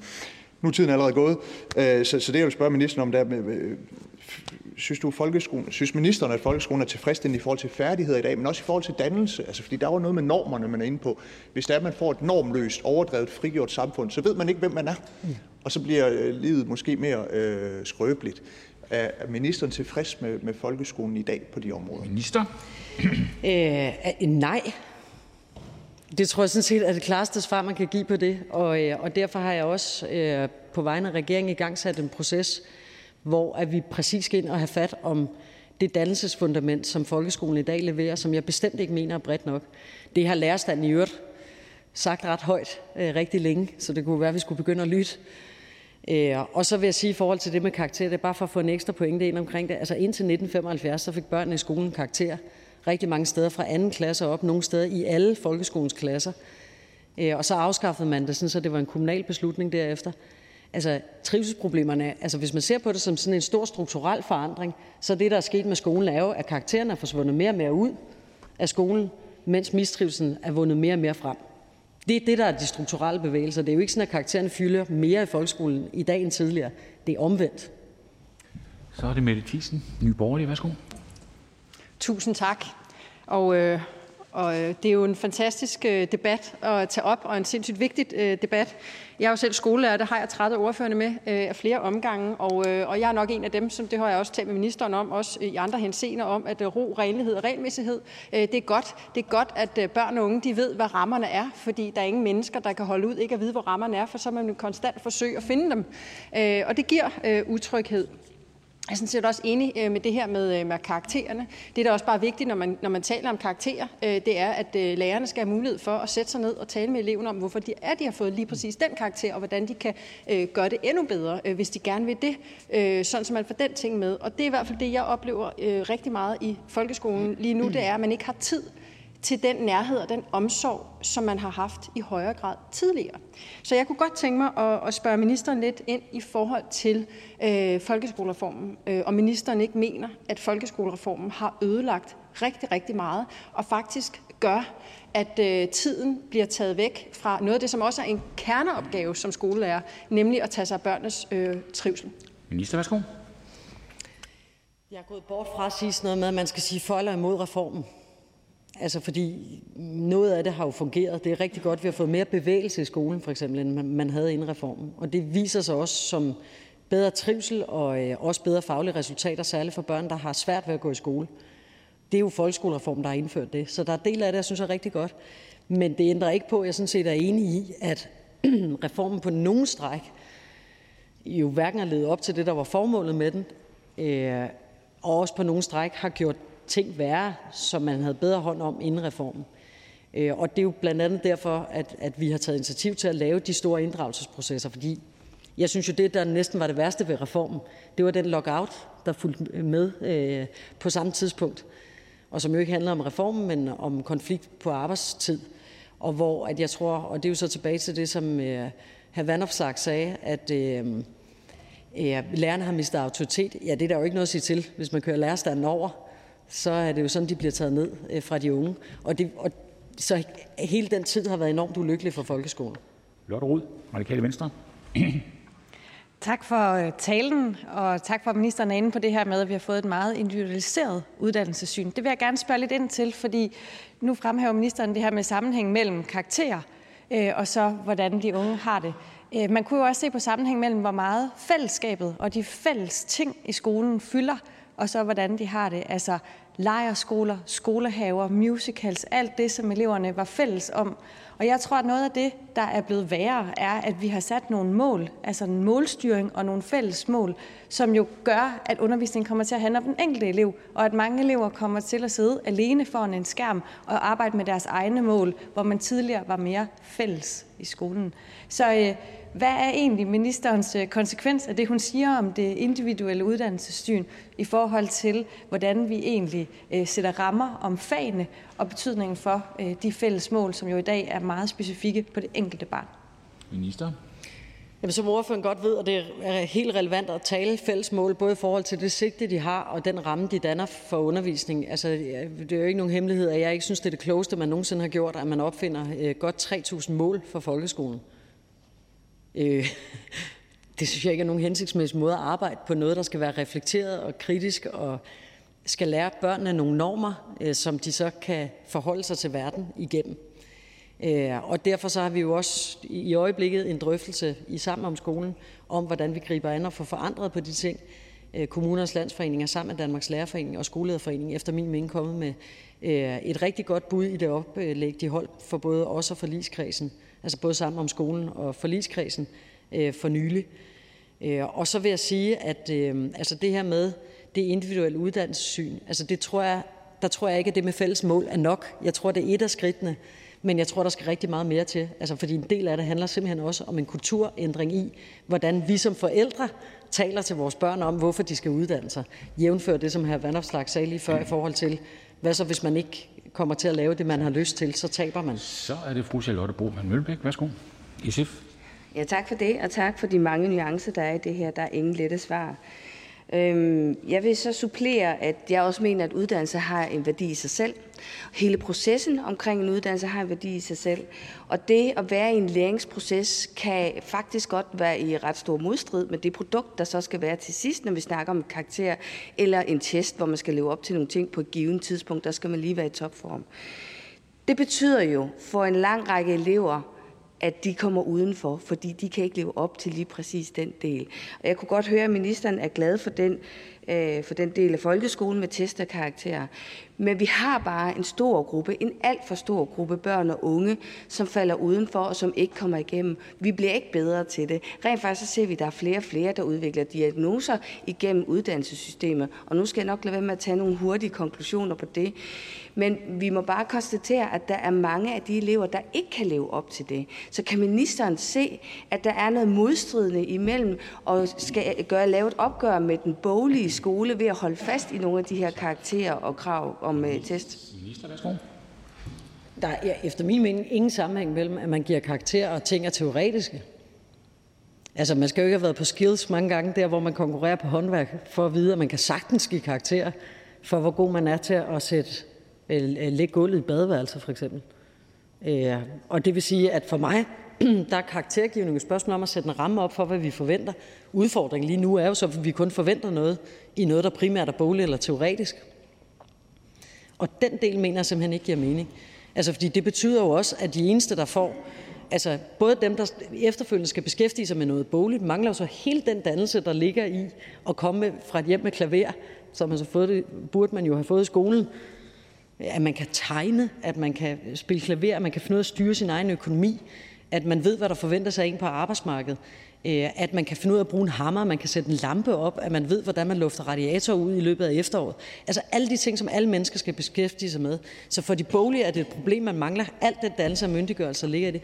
Men for dem, der primært er gode til det praktiske, der finder man jo aldrig ud af, at man faktisk kan noget, og det synes jeg er et stort problem. Tak for det. Sten Knud, Venstre. Ja, tak. Og tak til ministeren for en, øh, en god tale, god reflekterende tale. Jeg skal lige vide, at øh, jeg synes, det er enormt inspirerende og lærerigt, at, øh, at vi har de her debatter, hvor vi også går i dybden på, på noget så vigtigt som trivsel, som er jo noget af det aller, aller vigtigste. Jeg vil måske ikke overraskende tage fat i det om, om bevægelse. Partnerskabet, som ministeren taler om i det nye sundhedsreform om bevægelse. Vi ved jo, at hvis øh, børn bevæger sig øh, mere i 0. til 6. klasse, så får de bedre sprog, de trives bedre, øh, og de får også en kultur, der gør, at de, de også bevæger sig, når de bliver lidt ældre og bliver, også bliver voksne. Så, så egentlig bare et besøg med på, at vi husker at få hele, altså, hele overgangen med der fra 0 til 25 år, når det handler om bevægelse øh, og hvad vi skal gøre. Fordi det er udfordret i øh, børnehaverne, det er det i skolen, det har vi talt om i mange år, og det er det sådan set også, når vi kommer på ungdomsuddannelserne. Mm. Så lige en, en kort refleksion på det. Minister? Vi er jo ufatteligt enige på alt det, der handler om bevægelse, øh, og, øh, og jeg er glad for, at vi har det som fælles kæphest. Jeg tror, at det betyder, øh, og det kan vi jo se også af den forskning, der er bedrevet, at bevægelse betyder rigtig meget for både trivsel og faglighed. Og der er et stort problem, særligt i vores udskoling, og det er der jo sat forskellige initiativer, som vi har været hen over ved andre lejligheder, i gang omkring. Noget af det handler dog også om, om fagtrængsel og stoftrængsel, som man kalder det i udskolingen. Og det er jo så i virkeligheden tilbage til fru, fru Lotte Rods øh, øh, kommentar omkring det her med de mange fælles mål. Altså både dem, der er obligatoriske og dem, der ikke er, er blevet enormt styrende for undervisningen.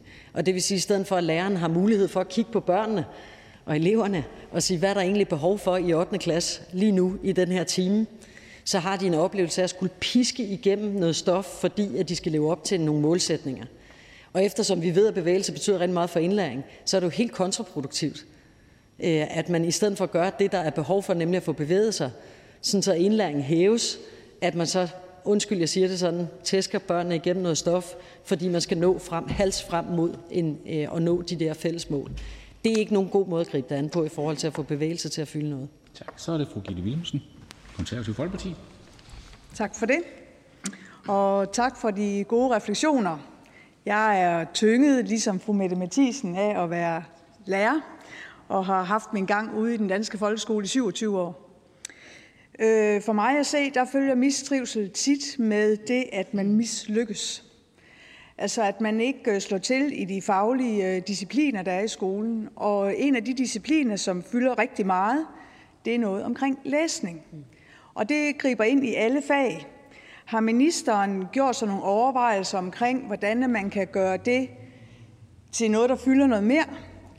Vi er ved at diskutere det i læreruddannelsen, og det ved jeg, det er under en anden minister. Men at, at læsning kommer til at fylde noget mere, fordi i den tidligere øh, debat, der var her i salen, hvor hr. Kenneth Mikkelsen fortalte om øh, nogen, der havde været på AMU-kurser og havde lært at læse, hvor meget trivsel det gav for dem i deres familie. Jeg tror, at det her det fylder mere bredt ud, at man ikke øh, kan lykkes med læsning, og så lykkes man ikke i en skole og et samfund. Minister? Øh, ja, tusind tak for den pointe.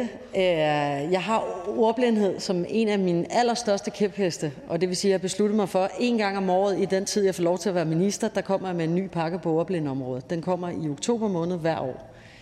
Øh, og øh, det er faktisk et af de områder, hvor det lykkes i den her regeringsperiode virkelig at flytte hegnspælene. Øh, og nu vi taler trivsel, altså hvor sjovt tror vi alle sammen egentlig det er, at gå en hel folkeskole igennem, uden at der er nogen, der har opdaget, at man er ordblind. Det er jo frygteligt. Og vi har været så langt bagefter på den dagsorden. Øh, og, øh, og derfor har jeg ment, at der var behov for alvorligt at spænde bardunerne. Og det gør man ikke i et snuptag. Det er 7-8 procent af en ungdomsårgang. Og det vil sige, at der skal en vedholdende indsats til. Og jeg håber, at den, der på et tidspunkt bliver min efterfølger, tager den handske op og kommer med et udspil en gang om året, fordi der er brug for en vedholdende indsats på det, for at vi får fanget det så tidligt som muligt og få hjulpet både børn og forældre så godt som muligt, men også de lærere, der skal undervise på tværs af fagrækken så godt som overhovedet muligt. Så siger vi tak til ministeren. Ikke flere korte bemærkninger, og det betyder, at nu går vi over til forhandlingerne. Og her starter vi med ordføreren for forspørgerne, hr. Alex Vanopslagh.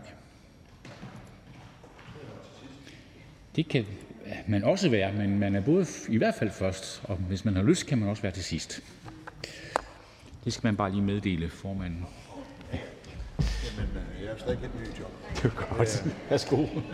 Jamen, øh, tak for det.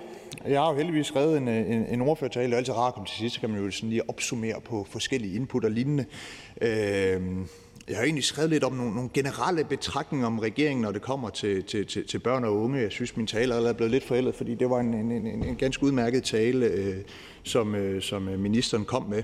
Men, men alligevel så vil jeg påstå, når jeg ser på den, den førte politik øh, fra regeringens side, så, så, så får jeg indimellem den mistanke, at, at regeringen ikke har en, en, en særlig god forståelse for, hvad det gode børneliv er, og hvad det består af. Fordi lidt for ofte, og det er jo klart, at vi er politikere, men lidt for ofte tænker vi i, i systemer og i stat, men vi glemmer at anerkende øh, barnet som et, et, et lille øh, værdigt og spirende individ, øh, der er brug for andet og mere end institutionspladser og kommunal udligning og en tør blæ og øh, mange øh, pædagoger i, i vuggestuen. Altså, det lille barn har brug for, for kærlighed, for omsorg, for leg, for glæde, og også for mor og far, altså øh, forældrene, øh, familien. Og, og jeg synes, at, at familien spiller alt for lille en rolle i, i den førte politik, også fra, fra regeringens side.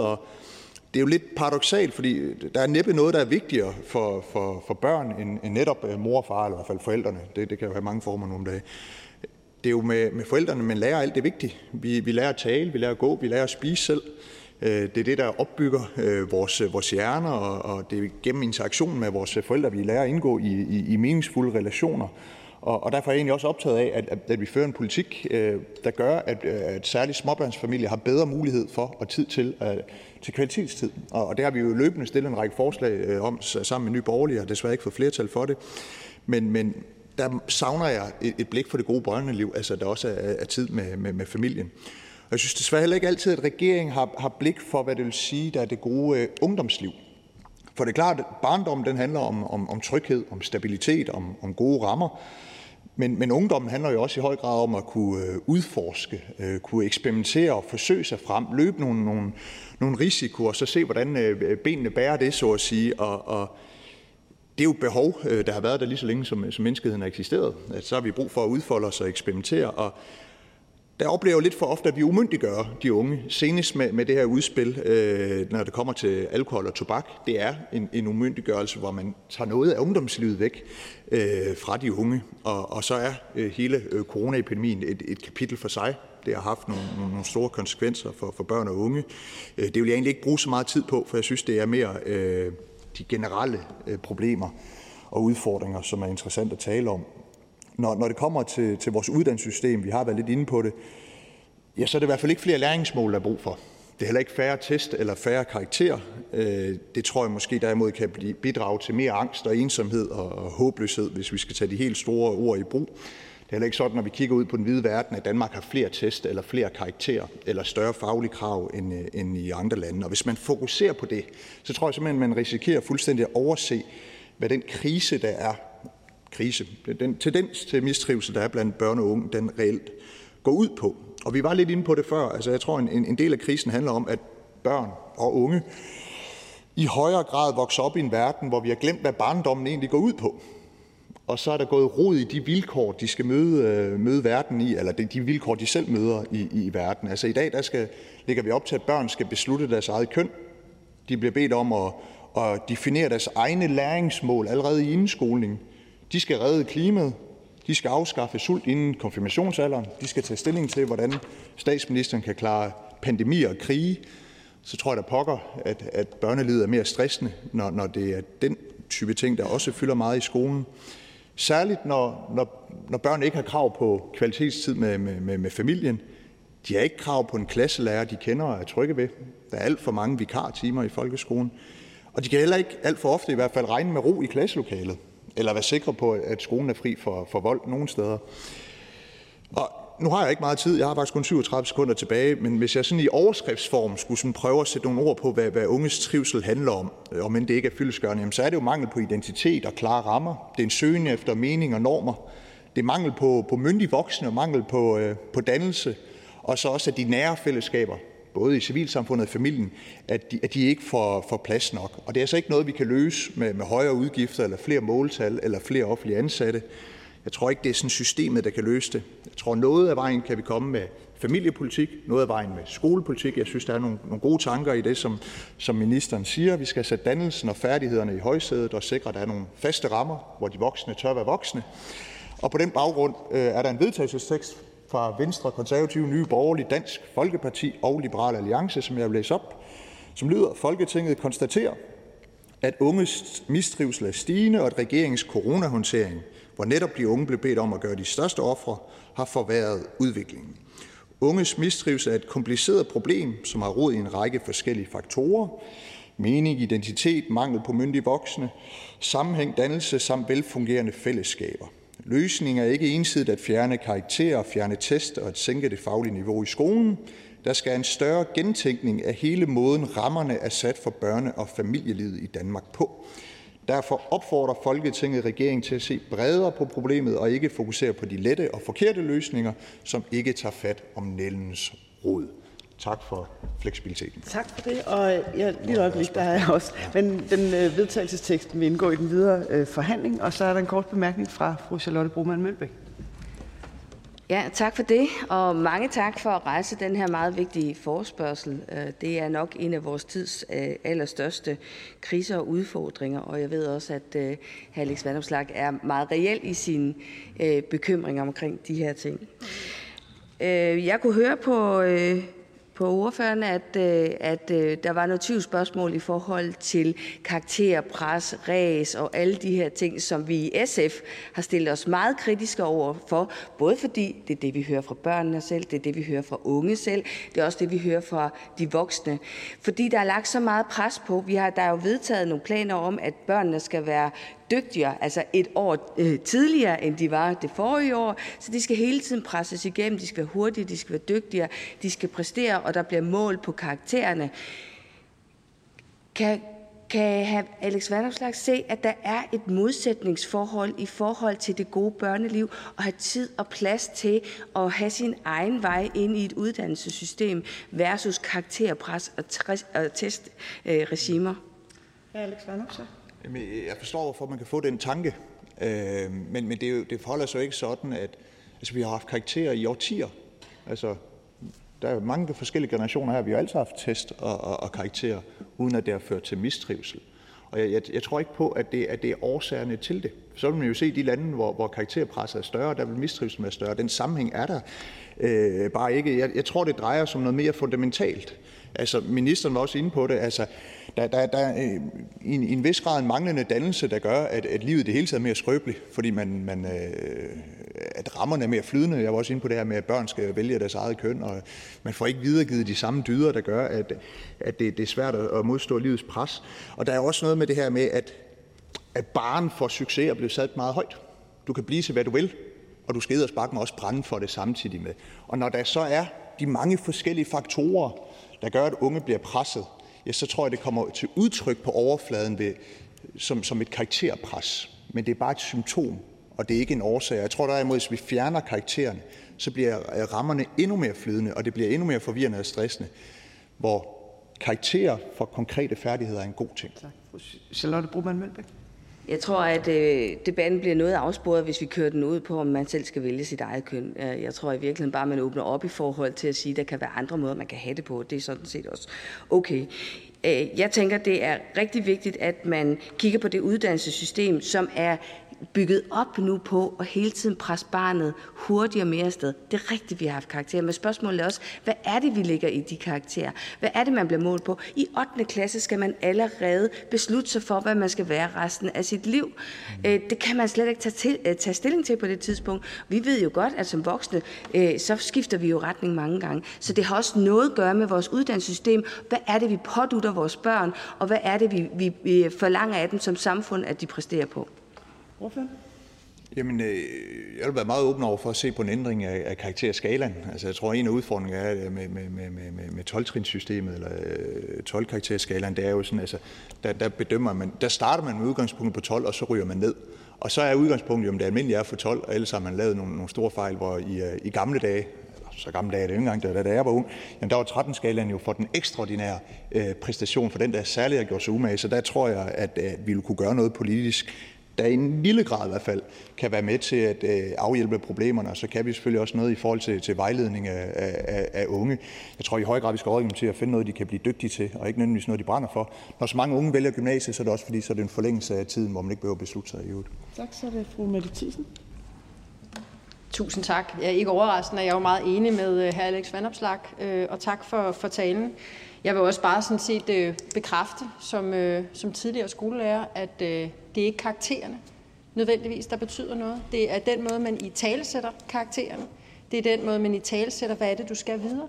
Og så har alle børn bare grundlæggende behov for at blive mødt med, at du også kan noget. Der er også noget, du kan. Det er måske ikke lige den her vej, du skal, men så kan du så meget andet. Og det der med at blive mødt med, at man anerkender alle kompetencer, det er jo også derfor, jeg også har talt meget om den traditionelle genindførelse af den traditionelle mesterlærer eksempelvis, sådan som man i langt højere grad får anerkendt alle de kompetencer, øh, der er. Men jeg vil egentlig bare have Alex Vanopslagh til at, at bekræfte, at, øh, at, øh, at, at det her med, at, øh, at øh, karaktererne sådan set ikke er, er hvad skal man sige, det grundlæggende problem, men altså, der er så mange andre ting, som vi kan gøre for netop at sikre, at, at børn og unge de har bedre mulighed for at, at trives. Og så er jeg jo fuldstændig enig i, at selvfølgelig skal vi have gennemført den traditionelle 13-skala. Det haster. Ja, Alex så. Jamen, øh, det kan jeg bekræfte både at det er min holdning, men også at det helt objektivt øh, forholder sig sådan. Øh, jeg synes, der er noget interessant i det, som øh, fru Mette Thiesen sagde. Altså, det her med, at alle kan blive, blive gode til noget, altså man skal anerkendes for det. Altså, jeg tror, det var Henning Fondsmark, der skrev sin bog Kampen mod kundskaberne. Det, der er sket i Danmark, det er, at vi har mistet færdighedskulturen. Altså vi har mistet fokus på sådan de konkrete færdigheder, og det er jo de konkrete færdigheder, der opbygger selvværd. Altså, vi kan jo se det med, med vores egne børn, ikke? at når, når, de, når de lærer at cykle, den, den, den selvtillid, de giver, sådan, hov, der var noget, jeg ikke kunne finde ud af, nu har jeg lært det, det er dejligt konkret. Hvor, hvor, hvor min fornemmelse, jeg går jo ikke i folkeskole længere, øh, det er, at der, der er lidt for lidt fokus på færdighederne i folkeskolen, og lidt for meget fokus på, på kompetencerne, som er svært at vide, hvornår mestrer du en kompetence, hvornår er du innovativ, hvornår er du formidlingsdygtig. Altså, jeg ved godt, jeg er formidlingsdygtig, men altså, jeg tror, at den der færdighedskultur skal være vundet frem igen. Fru Mette Thiesen? Jeg er meget enig, og det er jo sådan set også det, som øh, den enkelte lærer har mulighed for, hvis man i øvrigt har øh, tid til det at finde ud af, hvordan, øh, hvordan løfter jeg øh, de her unge mennesker eller de her børn, øh, og sådan så alle får mulighed for netop at udfolde det potentiale, de har, og være åbne og ærlige om, at øh, alle ikke skal samme vej. Vi ser jo også rigtig mange, der går i gymnasiet, alt for mange, der er mange flere, der burde tage en erhvervsuddannelse eller gå en helt øh, tredje vej måske. Så, så, så det er jo hele tiden den her italesættelse af de forskellige kompetencer. Øh, og, øh, og der, der, er i hvert fald, der, der er jeg også rigtig glad for, at vi, vi er flere, at der er optaget af det. Og så en anden ting, vi også skal diskutere, så er det jo også i forhold til, hvornår starter du så i skole? Skal du starte, øh, når, når, hvad skal man sige, når kommunen mener, du er klar, eller kan du få lov til at vente et, øh, et ekstra år for eksempel? Ordfører? Ja, det sidste har jeg ikke øh, stærke holdninger til. Øh, jeg kan godt huske, det er blevet debatteret øh, i, i, i folkeskolen. Jeg synes jo, en, en ting, der generelt er glædelig, det er jo, det er jo stort set hele Folketinget, der er enige i, enige i målet om, at flere burde tage en, en, en erhvervsfaglig uddannelse. Men det er jo ikke bare noget, vi, vi kan jo ikke tvinge folk til det. vi, vi taler jo i forvejen fagene op, så, så jeg ved ikke helt, hvad, hvad løsningen er på det. Måske kunne noget af det være, at der skal være et bedre ungdomsmiljø på, eller studiemiljø på, øh, på erhvervsuddannelserne, så de i højere grad har noget af det samme fest- og ungdomsmiljø, hvis de der overhovedet må købe øl til den tid, som de har på gymnasierne. For jeg tror, der er mange sociale årsager til, at man også vælger gymnasiet. Og der kunne man måske styrke det sociale på erhvervsuddannelserne. Tak, så er det fru Lotte Rud. Tak for talen, og jeg vil gerne spørge øh, lidt dybere ind til i virkeligheden noget lidt andet end karaktererne, altså det, der ligger under det. Mm. Fordi da vi var børn, havde vi jo mange af os meget tid til at rende og lege med vores venner. Og det, der er sket over de seneste ja, flere årtier i virkeligheden, er jo, at børn har fået mindre tid til at lege, og mindre sådan fri tid, hvor de leger øh, med hinanden og deres venner. Og det, der sker, når man leger, det er, så man indre styret. Så forfølger man ikke et eller andet andet, så gør man bare det, som man er helt vildt optaget af lige nu. Og jeg tror, problemet for unge i dag, for børn og unge, er, at de er så enormt yderstyret. Der er sket et skift fra, mm. at man gjorde noget, der gav mening i sig selv, og til, at man skal forfølge nogle ydermål. Og så bliver man enormt sårbar, fordi så er der ikke længere en sammenhæng mellem, at det, man gør i sig selv, er meningsfuldt. Fordi uanset hvor hårdt du arbejder, er det jo ikke sikkert, du får den gode karakter, eller uanset hvor meget umage du gør der, er det jo ikke sikkert, du får det job, du gerne vil have. For der sker en afkobling fra det, der er meningsfuldt her nu, og så til målet. Og det gør en sårbar. Så i stedet for, at vi kun diskuterer karakter, øh, så har jeg lyst til at spørge Liberale Alliance, deler ordføreren analysen af, at en del af problemet er, at børn simpelthen altså, har for lidt chance for at være indre styret og bliver for yderstyret? Jeg synes i hvert fald, det var et godt indspark, og jeg vil sige det sådan, altså, det, det så er der jo alt det her med at være indrestyret og, og, og, og lejende, og der kan man spørge selv, om, om en længere øh, skoledag øh, har, har bidraget til det eller ej. Øh, det, det, det, det tror jeg ikke, den har. Men der er jo noget interessant i det her med at være så øh, yderfokuseret. Altså, jeg tror, noget af det, som, som siver ned gennem samfundet, det er jo øh, idealer og normer. Øh, nu snakker vi om en, enorm ny i men der er jo nogle, nogle samfundsidealer. Det er jo lidt det her med, at du, du skal gøre, hvad du brænder for. Ikke? Det hele det skal være sådan passionsdrevet, og du kan, du kan blive lige, hvad du vil. Og det tror jeg er nogle idealer, der kan være øh, ret tyngende at man bliver sådan hele tiden fokuseret på, at man skal leve op til, til alskens idealer. Og, og der har vi jo øh, en opgave i at videregive nogle sundere idealer.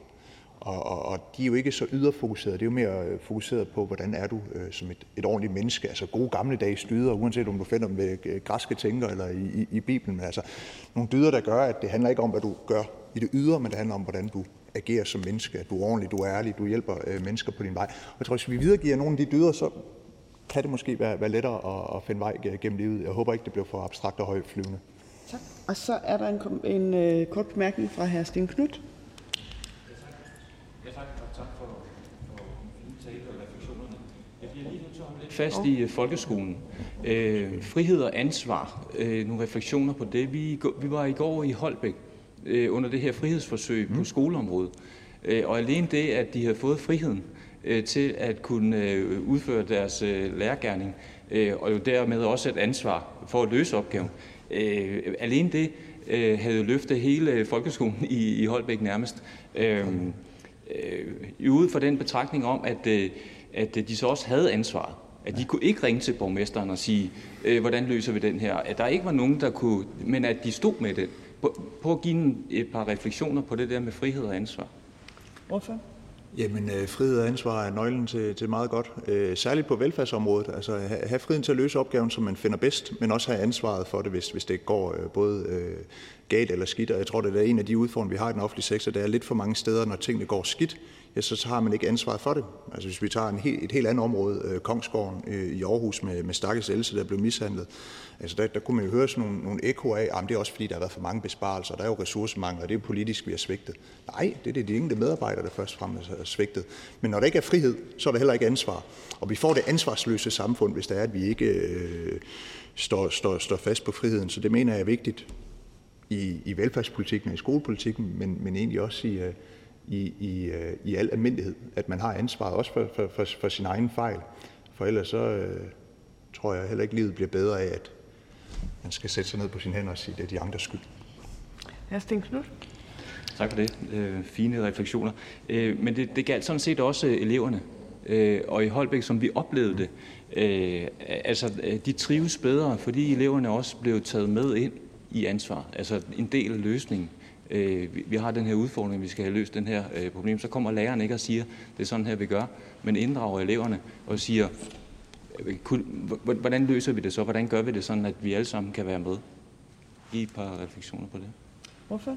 Jamen, øh, spændende vil jeg sige. Også sådan umiddelbart lidt overraskende. Nu, nu var jeg jo ikke med i, øh, i, i, i, i Holbæk, men, men øh, sådan, øh, min intuitive reaktion er, at, øh, at, jeg, at jeg ikke bryder mig for meget om at høre, at, at en lærer kommer og siger, nå, kære børn, hvordan skal vi øh, klare tingene, hvordan skal vi undervise? At, jeg tror, det er noget af det, der kan være med til at, at være stressende. Men, men det kan jo være, at jeg tager fejl. Altså, hvis virkeligheden i Holbæk viser noget andet, så vil jeg gerne blive klogere på det. Tak for det. Der er ikke flere korte bemærkninger, så tak til hr. Alex Vanopslag. Og så er det ordføreren fra Socialdemokratiet.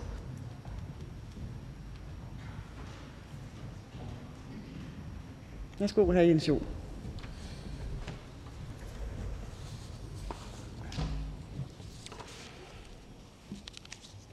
Tak for det, formand, og tak til Liberal Alliance for at rejse den her debat, som vi jo heldigvis har haft før, men som vi jo mildst talt ikke har hånd om.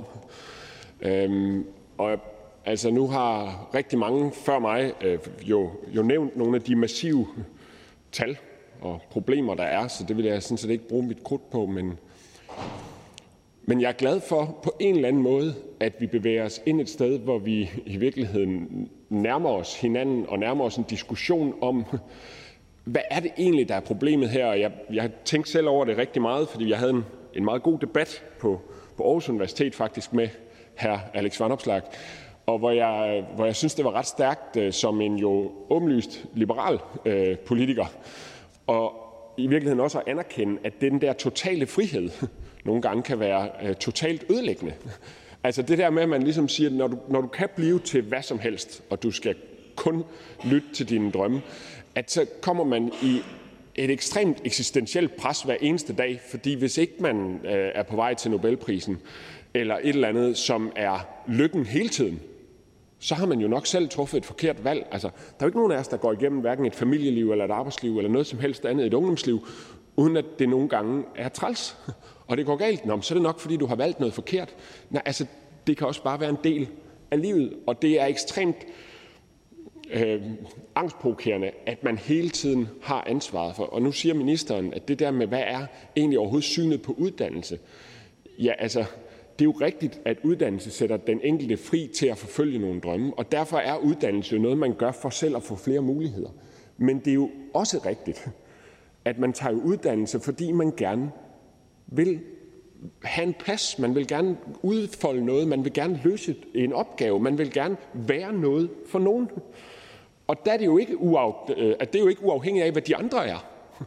Altså, det er jo fordi, der er nogen, der skal undervises, at det er meningsfuldt at være lærer. Altså, det er jo, altså, der er jo simpelthen roller i det her samfund, som man skal have, og derfor så tror jeg faktisk, at det er godt, at vi er begyndt på tværs af politiske spektre at diskutere både de der med, hvad er din plads i samfundet, i fællesskabet, men også, hvordan bidrager rammerne i skolesektoren. For det er jo klart, vi, altså, vi går jo, vi bruger rigtig meget tid i, i skolen, og derfor synes jeg også, det er klogt at diskutere, øh, hvordan sætter man normerne. Altså først og fremmest, hvad er overhovedet dannelsesidealet, ikke? Altså, eller dannelsesbegrebet? Er det for smalt? Der tror jeg, vi er bredt enige om, heldigvis, at de ting, vi lærer i skolen, er måske blevet for ens, altså for, boglige, for, for bogligt fokuseret, og derfor er der for mange børn, som ikke når at shine, fordi de har deres styrker et andet sted. Og så er der i øvrigt dem, som er gode til det boglige, men som bare ikke lærer at sætte lampen op, ikke? og som derfor ikke mestrer deres liv og skal ringe til en ven, hver gang de har et helt almindeligt dagligdagsproblem. Nå, men så den, den bredere dannelse tror jeg, vi skal have.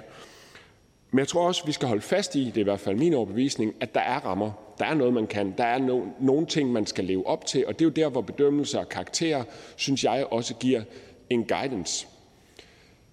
Det er bare meget vigtigt, at det ikke betyder, når man faktisk bliver bedømt, at man så også instrumentaliserer uddannelsessystemet. Fordi det er et af de største problemer. Jeg kan huske, da jeg gik på universitetet, og det øh, er faktisk ikke sikker på, at jeg skulle have været der, men det er en anden snak. Øh, hvis jeg nu, havde, hvis jeg nu ikke bare havde tænkt over, hvad jeg lige havde lyst til, men faktisk havde tænkt over, hvad jeg godt kunne tænke mig at arbejde med, så kunne det være, at jeg skulle, have, så skulle jeg nok have været lærer. Men det er, en anden, det er en anden snak. Jeg kan huske, at man gik til foredrag, som man ikke vidste, man kunne lære noget af, og som ikke var en del af pensum, og man jo tit lærte mest, når man ikke havde regnet med, at man lærte noget, fordi man hørte noget, som ikke var. Og min opfattelse er nu, at flere og flere børn og unge spørger sig selv, hvad skal jeg bruge det til? altså, er det en del af pensum? Kan jeg, kan jeg kapitalisere på den her investering af tid? Og jeg tror, det er ekstremt uheldigt, hvis vores tid, apropos om man er ydre eller indre styret, hvis det hele tiden handler om, at det, man sigter efter at prøve at, at bruge tid på, det er noget, man tror, der giver en bedre karakter, eller øh, er en del af pensum, eller stiller en stærkere i et eller andet sådan instrumentalisering af uddannelse og dannelse. Fordi helt ærligt, så bliver vi jo mest dannet, når det ikke var med vilje. Altså når vi løber ind i, i en, en indsigt, som man ikke havde regnet med at få, fordi man ikke på forhånd ligesom øh, havde udset sig det foredrag eller et eller andet. Og det, det er sådan en helt banal, tror jeg, erkendelse, men jeg, jeg tror alligevel, det, det er noget af det, som har gjort, at vi har mistet en kollektiv orienteringsevne, at vi ikke længere har tid. Vi har ikke tid til noget som helst, som ikke er det, øh, der er kernen. Og det tror jeg også, vi skal gøre. Uha, det er godt nok ikke meget, man når at sige på det her. Altså jo, jeg har snakket virkelig længe, men jeg vil læse en vedtagelsestekst op, øh, når jeg nu ikke øh, kan nå at sige mere her. Det er på vegne af SSF, Radikale Venstre og Enhedslisten, og den lyder, Folketinget ser med stor bekymring på den udbredte mistrivsel blandt børn, herunder de negative følgevirkninger af coronapandemien for børns trivsel. Håndteringen af covid-19 i Danmark har understreget vigtigheden af stærke fællesskaber for børn. Folketinget konstaterer, at flere initiativer er sat i gang med henblik på at styrke de fællesskaber, som børn indgår i. Det gælder særligt indførelsen af minimumsnormeringer, løft af folkeskolen og fritidspædagogikken, der skal sikres mere, der skal sikre mere ro, tryghed og omsorg i børns hverdag. Folketinget konstaterer desuden, at udfordringerne langt fra er løst, og at der er behov for en styrket indsats for at forebygge og modvirke mistrivsel. Her er det især afgørende at forbedre hjælpen til børn med særlige behov, gøre op med det pres, mange børn oplever i uddannelsessystemet, styrke det pædagogiske personales kompetencer og fremme et bredt dannelsesbegreb, bedre muligheder for børns leg, trivsel, læring og udvikling. For det, og den ved, forslag til vedtagelsestekst vil også indgå i den videre forhandling. Og så er der et par korte bemærkninger. Først her Alex Vanderflag. Værsgo. Tak, øh, også for talen, og øh, for sidst, da vi debatterede det her øh, på Aarhus Universitet.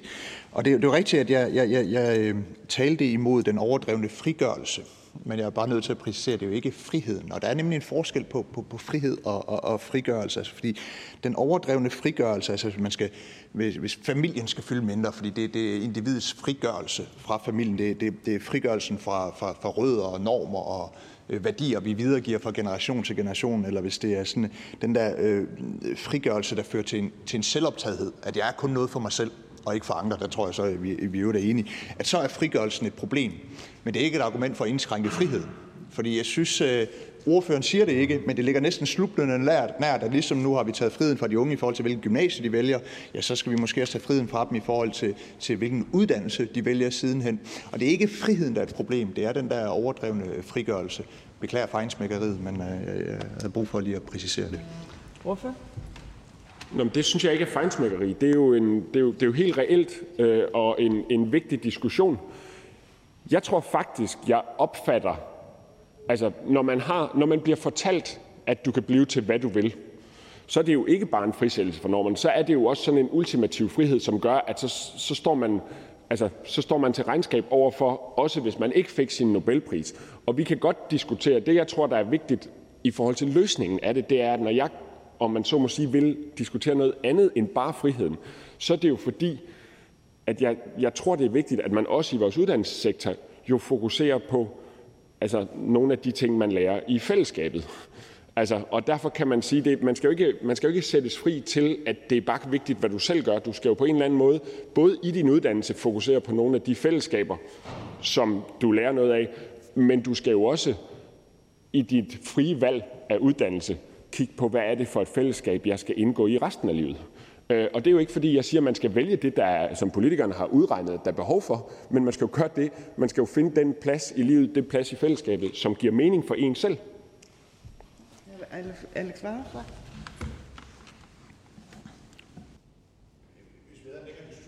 nå frem til en, en, en god enhed. Jeg vil spørge om noget, noget, noget, noget helt andet. Øh, nu ved jeg godt, de fleste er undervisningsordfører her, men, men, men familiepolitikken. Øh, Øh, tror, øh, hr. Jens Jol, at, at, at noget af løsningen på, på, på øh, børns øh, mistrivsel øh, kan findes i, at, at vi gør det nemmere for småbørnsfamilier at have mere tid sammen med børnene. Vi har jo foreslået det med nogle, nogle skattefradrag til at passe egen børn, men der kan også være andre muligheder. Jeg tror ordføreren, at det er en vej, man skulle øh, kigge imod? Altså, vi havde jo en lang debat om, om det forslag, og der kan man jo sige, der er jo ikke nogen, øh, altså, der er jo ikke noget til hinder for, at man selv øh, tilbringer mere tid med sine børn. Det, der var diskussionen, det er, hvad er det, vi investerer i som samfund? Og, og det har jo så været, at vi investerer i at sikre, at de rammer, børn faktisk møder, når de møder et velfærdssamfund, institutioner, øh, pædagoger, at der så er voksne nok og, og i øvrigt dygtige uddannede. Så jeg, jeg er sådan set enig med dig i, at, at en af vores udfordringer er jo, at, at ikke alle børn har gode familier, og sikkert også, at rigtig mange gode familier har for travlt med alt muligt andet end at være sammen. Tak for det, og så skal vi lige være opmærksom på det her med direkte tiltale. Men okay, værsgo, nu er det fru Charlotte Broman Mølbæk. Ja, tak for det. Øhm, jeg vil godt spørge ordføreren lidt mere ind til et spørgsmål, jeg faktisk stillede ministeren. Det kunne være, at ordføreren kunne hjælpe lidt bedre på vej. Og, det var og jeg ved godt, jeg kan godt have en tendens til at spørge om rigtig mange ting. Men, men det handler i virkeligheden om, om de øh, elever, som ikke kommer igennem folkeskolen, som ikke kan præstere i karakterer, test osv., som vi bliver ved med at mislykkes med, fordi der er åbenbart et system, der ikke rummer dem. Godt nok er der for dem. Vi har i vores forståelsespapir også skrevet nogle linjer omkring, at vi skal have en national øh, handlingsplan for mental sundhed, en gennemgang af særligt uddannelsessystemet, der skal identificere tiltag, der fremmer børns og unges trivsel og mennesker præstationskulturen. Og så skal der være en vurdering af, om karakterer kan fylde mindre i uddannelsessystemet, om karakterskalaen skal ændres, eller om der skal indføres andre prøveformer. Og det vil jeg selvfølgelig gerne høre, om øh, ordføreren har nogle refleksioner på, i forhold til, hvad er det, vi skal gøre herfra, fordi vi ser jo den her stigende mistrivsel, og det kan ikke blive ved med at gå den her vej. Ordfører? Først og fremmest fuldstændig enig i, at det er et af vores største problemer, de børn og unge, som både kommer ud af folkeskolen uden de kompetencer, som de har brug for øh, senere i livet, men jo som også kommer ud af folkeskolen med en endeløs række af nederlag, fordi de ikke har levet op til det. Og der er en del af løsningen, at vi breder folkeskolens dannelsesbegreb ud, sådan så der er flere, der har en chance for faktisk at være god til noget. Altså, vi får flere talenter i spil. Jeg vil også gerne sige, at jeg, jeg synes jo ligesom ministeren, og derfor det hjælper aldrig rigtigt hvis, at få mig. Altså det hjælper i hvert fald ikke på, at jeg siger noget andet end ministeren, at man, øh, at man også spørger mig. Men jeg er jo enig i den del med, at der ikke er en, en, en modsætning mellem at blive bedømt og få karakterer, og så det der med, at, at altså det er ikke derfor, folk ikke lykkes i folkeskolen. Til gengæld er jeg enig med øh, ordføreren og spørgsmålet i, at vi kan gøre noget på karakteren, og vi kan også gøre noget på eksempelvis prøveformer. Altså, at man mere praktiske prøver, altså det, at man eksperimenterer med andre måder at gå til eksamen på, er også, synes jeg, en meningsfuld måde at gøre det på. Og det kan man jo godt bedømme, selvom man har tilrettelagt prøven anderledes. Tak. Fru Charlotte Broman Mølbæk. Jo, men vi kan vel godt være enige om, at når man står i en testsituation eller skal have en karakter for noget, øh, så er det typisk, medmindre det er karakteren selvfølgelig, men ellers så typisk beror det sig på et øjebliksbillede som ikke altid kan være øh, øh, det rette billede på, hvad den her elev egentlig kan og har overvejelser og refleksioner. Der er en lang række elever, som ikke kan indgå i de her øh, situationer, hvor de bliver ekstremt presset. Der tror jeg bare, at hvis ikke vi anerkender det, så har vi status quo, så får vi dem aldrig med. Vi kan ikke blive ved med at sige, jamen I skal leve op til det her, når de ikke kan leve op til det her. Hvorfor? Så hvis man forestiller sig for eksempel, at en af de ting, man skal kunne, det er at bygge noget, så er det jo ikke noget, man nødvendigvis bygger på en halv time, og man lige skal præstere her. Altså man kan jo godt i, i, altså i øvrigt har man også længerevarende eksamener, øh, altså og kan forestille sig, det er jo ikke kun noget, man står i en time. Jeg tror, når man nogle gange får koldsved, og det kan jeg da også huske, jeg selv har prøvet, og jeg var endda en af dem, der havde relativt nemt ved at gå i skole. Når man får koldsved i den der præstationssituation, så er det jo fordi, man er vant til, at når jeg bliver bedømt, så går det ikke så godt. Altså hvis man nu nogle gange oplevede, at man faktisk havde en succes i en bedømmelsessituation, så vil man også stå styrket næste gang, man bliver bedømt, tror jeg. Så er det fru Mette Thiesen. Ej, den sidste vil jeg gerne lige skyde ned. Jeg har også altid været en af dem, som har været god til hovedsageligt mundtlige eksamener, men jeg har stadigvæk været nervøs øh, inden hver eneste, mm. og jeg tror også, det, det er jo også vigtigt, for at man også kan præstere. Øh, Øh, jeg er overhovedet ikke enig i det, der øh, kommer fra SF, for jeg tror også, det er rigtig vigtigt, kommer skolelæreren igen, at man lærer at kunne de her ting. Og det er jo noget, man skal klædes på til, for man skal også kunne gå til en jobsamtale, man skal også kunne øh, præstere på andet niveau. Så det, når det er så sagt, det jeg egentlig gerne vil spørge ordføreren ind til, det var det her med mere tid. Øh, og øh, hr. Alex Vanderslag var også lidt inde på det tidligere. Jeg plejer at kalde det det socialdemokratiske hamsterhjul, det som rigtig mange familier øh, befinder sig i. Og det er jo sådan kort sagt en, øh, en afhængighed af to indkomster, øh, for at man simpelthen kan få det hele til at hænge sammen rent familiemæssigt. Og det handler jo ikke om, at man bare kan prioritere anderledes. Det handler jo grundlæggende set om, at vi har verdens højeste skattetryk i Danmark, og at danske familier derfor også lider under det. Og det er blandt andet det, der ligger til grund for, at man mangler tid grundlæggende med familien. Og jeg kunne bare godt tænke mig at høre den socialdemokratiske ordfører, om, øh, om ordføreren virkelig mener, at øh, det er godt, at Danmark er det land med det højeste skattetryk, og om ordføreren ikke også mener, at det, øh, kom, det er danske familier, der betaler for det. Hvorfor? Til det, til det første først. Jeg, jeg mener slet ikke, at man skal eller kan afskaffe nervøsitet op til en eksamen. Jeg er sådan set enig i, at man præsterer, og det er klogt at lære at skulle præstere. Det, der er invaliderende, er jo den angst, som nogen udvikler, fordi de virkelig ikke altså virkelig gentagende gange overhovedet ingen succes har med det og får et slag i hovedet. Og det kan være invaliderende, men jeg er jo enig i, at det er faktisk en sund ting at lære, at nu skal man præstere, nu bliver man bedømt, nu skal man sætte sig op.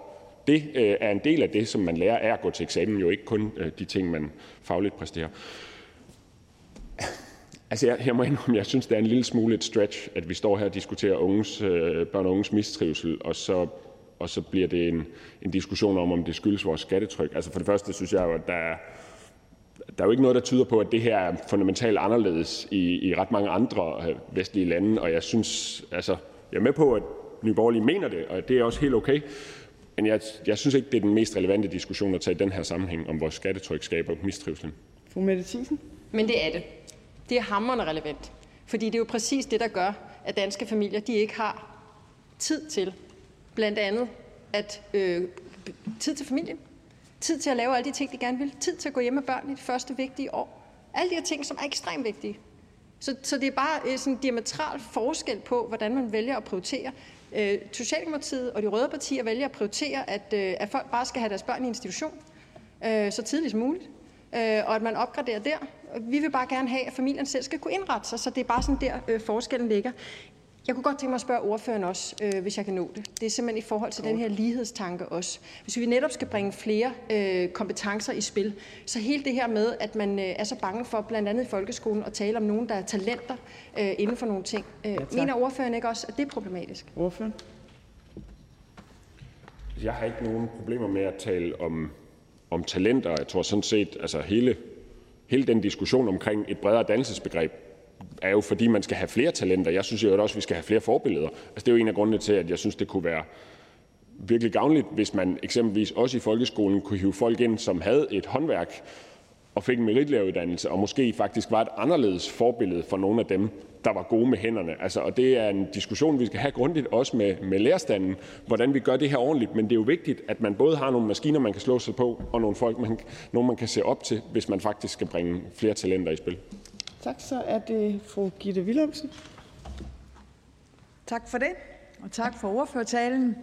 Øh, I vedtagelsesteksten, som øh, ordføreren læste op, der talte, øh, bliver der talt om ro i skolen og inde i klasserummet. Og det er jeg helt enig med ordføreren i, at det er vigtigt, hvis man skal trives i skolen, at der er ro i klasserummet, og man er klar over, hvilken dagsorden der er på spil, når man er inde i klasserummet. Men jeg kunne godt tænke mig at høre ordføreren reflektere lidt over, om det der klasserumsordentlighed, hvis man kan kalde det sådan, at det kommer af stærke kompetencer ved læreren, der står i klasserummet, eller det kommer af, at man hælder flere penge ind i skolen. Fordi at man hører tit, at der mangler penge og penge og penge, men for mig at se, og for det konservative folkepartis side at se, så handler det her lige så meget om det, som vi så med Else Marie på Kongsgården i Aarhus, som det, der foregår inde i klasserummene. Altså, at man tager opgaven på sig som underviser inde i lokalet, at man har også sådan en forpligtelse til at sørge for, at der er ro og orden i klassen. Altså først og fremmest er jeg fuldstændig entydigt enig i, at det er altså, man kan ikke lave undervisning, hvis ikke også man kan sikre, at der er ro og mulighed for faktisk at modtage den undervisning. Så kan man jo lave forskellige undervisningsformer, og apropos det med ressourcerne, så vil jeg sige, nogle gange, og det så vi også under corona, så kan man jo også skabe den ro, hvis man har ressourcerne til, at man kan lave anderledes holddelinger og mindre grupper. Men det er ikke sådan, så flere penge kan kompensere for, at lærerne ikke har de rette kompetencer. Og derfor er det jo tosidet. Altså nogle gange så kan man faktisk godt få noget ud af flere lærerkompetencer og holddelinger og mindre indsatser eller særlige indsatser. Men man kan ikke betale sig fra, øh, hvis lærerne ikke har de rette kompetencer, eller at lederne ikke har de rigtige kompetencer. Og det er jo en af grundene til, at vi også diskuterer, nu handler det ikke lige om betaling, men også når vi diskuterer frisættelse på velfærdsområderne, så er det jo også fordi, du kan jo grundlæggende set ikke kontrollere dig ud af det problem, der måtte være, hvis du har en dårlig leder eller en dårlig ansat. Det er du nødt til at håndtere på en anden måde, fordi uanset hvor mange skemaer du bliver bedt om at afkrydse, så hvis du ikke er dygtig, så kan det mærkes. Tak for det. Der er ikke flere korte bemærkninger. Øh, jeg, jeg ved ikke, om der var nogen opfølgende. Nej, det var det ikke. Nej. Tak til hr. Jens Joel, og så går vi videre til Venstres ordfører. Værsgo, hr. Sten Knudt. Og tak til Liberale Alliance for at rejse den her rigtig vigtige øh, debat om trivsel, for der er behov for at gøre noget. Det går den forkerte vej. Øh, der er måske også øh, behov for at kigge lidt på, hvad vi har gjort, hvordan det er håndteret, og også nogle bud på, hvordan det kunne se ud fremad. Og det bliver også kun nogle bud, fordi det tager længere tid i den samtale, vi skal have, hvis, hvis vi skal have flere til at lykkes derude. Skyldes den dårlige trivsel corona alene? Nej, det gør den ikke. Men det er sikkert ikke gavnet, at vi i to år har sendt vores børn hjem i, i, øh, på deres værelser øh, på grund af corona. Det havde Venstre gerne set anderledes. Det har vi kæmpet for, men øh, ikke har fundet flertal til at kunne ændre. Til gengæld har vi været med til at afsætte rigtig, rigtig mange penge ind i folkeskolen, både til at hæve trivsel og det faglige efterslæb, som vi jo kunne se, der var, og sådan set også penge til foreningerne, så de kunne være med til at hjælpe på, på trivselen derude. Og det gjorde vi, fordi vi ved børnene og de unge. Øhm, da vi ikke kunne få overvist øh, flertallet om, at de, øh, de godt måtte, øh, kunne komme i skole. Men det her med pengene, det gør det jo ikke. Det gør velmenende ord heller ikke. Små justeringer på tid og karakter gør det heller ikke. Og i øvrigt så er det også familiernes egen frie valg, om de vil gå på en skole, hvor der skal være karakter. Det vil vi gerne hejse et flag for. Og så synes vi jo heller ikke, at fine presmøder gør, at vi kan hæve trivselen i, i blandt de unge. Men hvad gør vi så? Det er voldsomt kompliceret. Det har flere af ordførerne været inde på. Det er ministeren været inde på. Der findes ikke én nem løsning et hurtigt snuptag, en sand og rigtig politik eller smarte ord heroppe fra talerstolen. Men Folketinget skal sætte rammen for det samfund, som vi ønsker, når vi taler om familier og børn og unge i børnehave, i skole og i voksenliv. Og hvis vi kunne nøjes med måske bare at sætte rammen, og så ikke detaljstyre fuldstændig voldsomt ned i hver detalje, så tror jeg faktisk, vi var et stykke af vejen. Den tidligere ordfører talte om bedre ledelse, det tror vi også er et øh, skridt på vej til den rigtige, eller til mere trivsel i øh, blandt de unge, mere bevægelse, øh, og så også mere frihed og ansvar til dem, som løfter vores velfærd ude i vores land. Og lad mig lige tage et eksempel på den gode ledelse. I onsdags var vi på, i Zoologisk Have, børne- og undervisningsudvalget, flere af ordførerne var med. Der øh, besøgte vi øh, STU-elever, eller tidligere STU-elever, som var afsluttet, hvor Zoologisk Have så havde inviteret dem ind i, øh, i et praksisnær øh, uddannelsesforløb kaldet Flexuddannelsen. Meget mindre skole, meget mere praktik, en lærer og nogle ledere, øh, som var tydelige og kompetente og forventede øh, og var ambitiøse på de unges øh, vegne. Øh, og det løftede helt utroligt. Lidt omkring bevægelse, leg og idræt, som jo også øger vores øh, trivsel. For idræt er ikke kun sport og fysik, det er faktisk også fællesskaber og stærke relationer, det er trivsel og sundhed.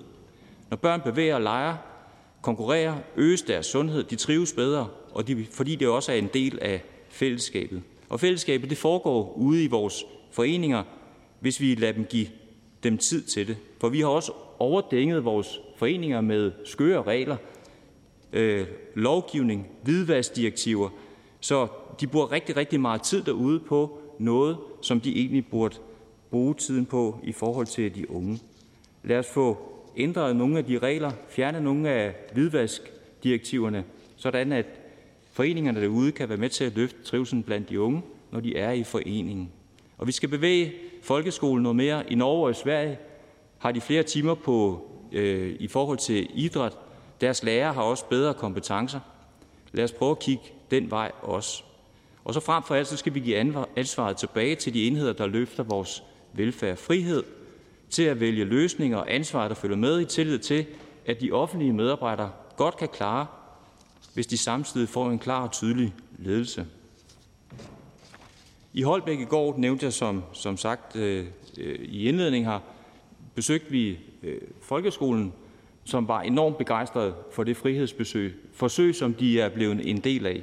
Alene det at få friheden og ansvaret til at løfte opgaven, det fik øh, nærmest julelys i øjnene på vores ledere, eller vores, øh, både vores ledere, men også vores øh, lærere ude i den folkeskole. Og sådan set også eleverne, for de blev taget med i de beslutninger, som blev truffet omkring frihedsforsøgene her.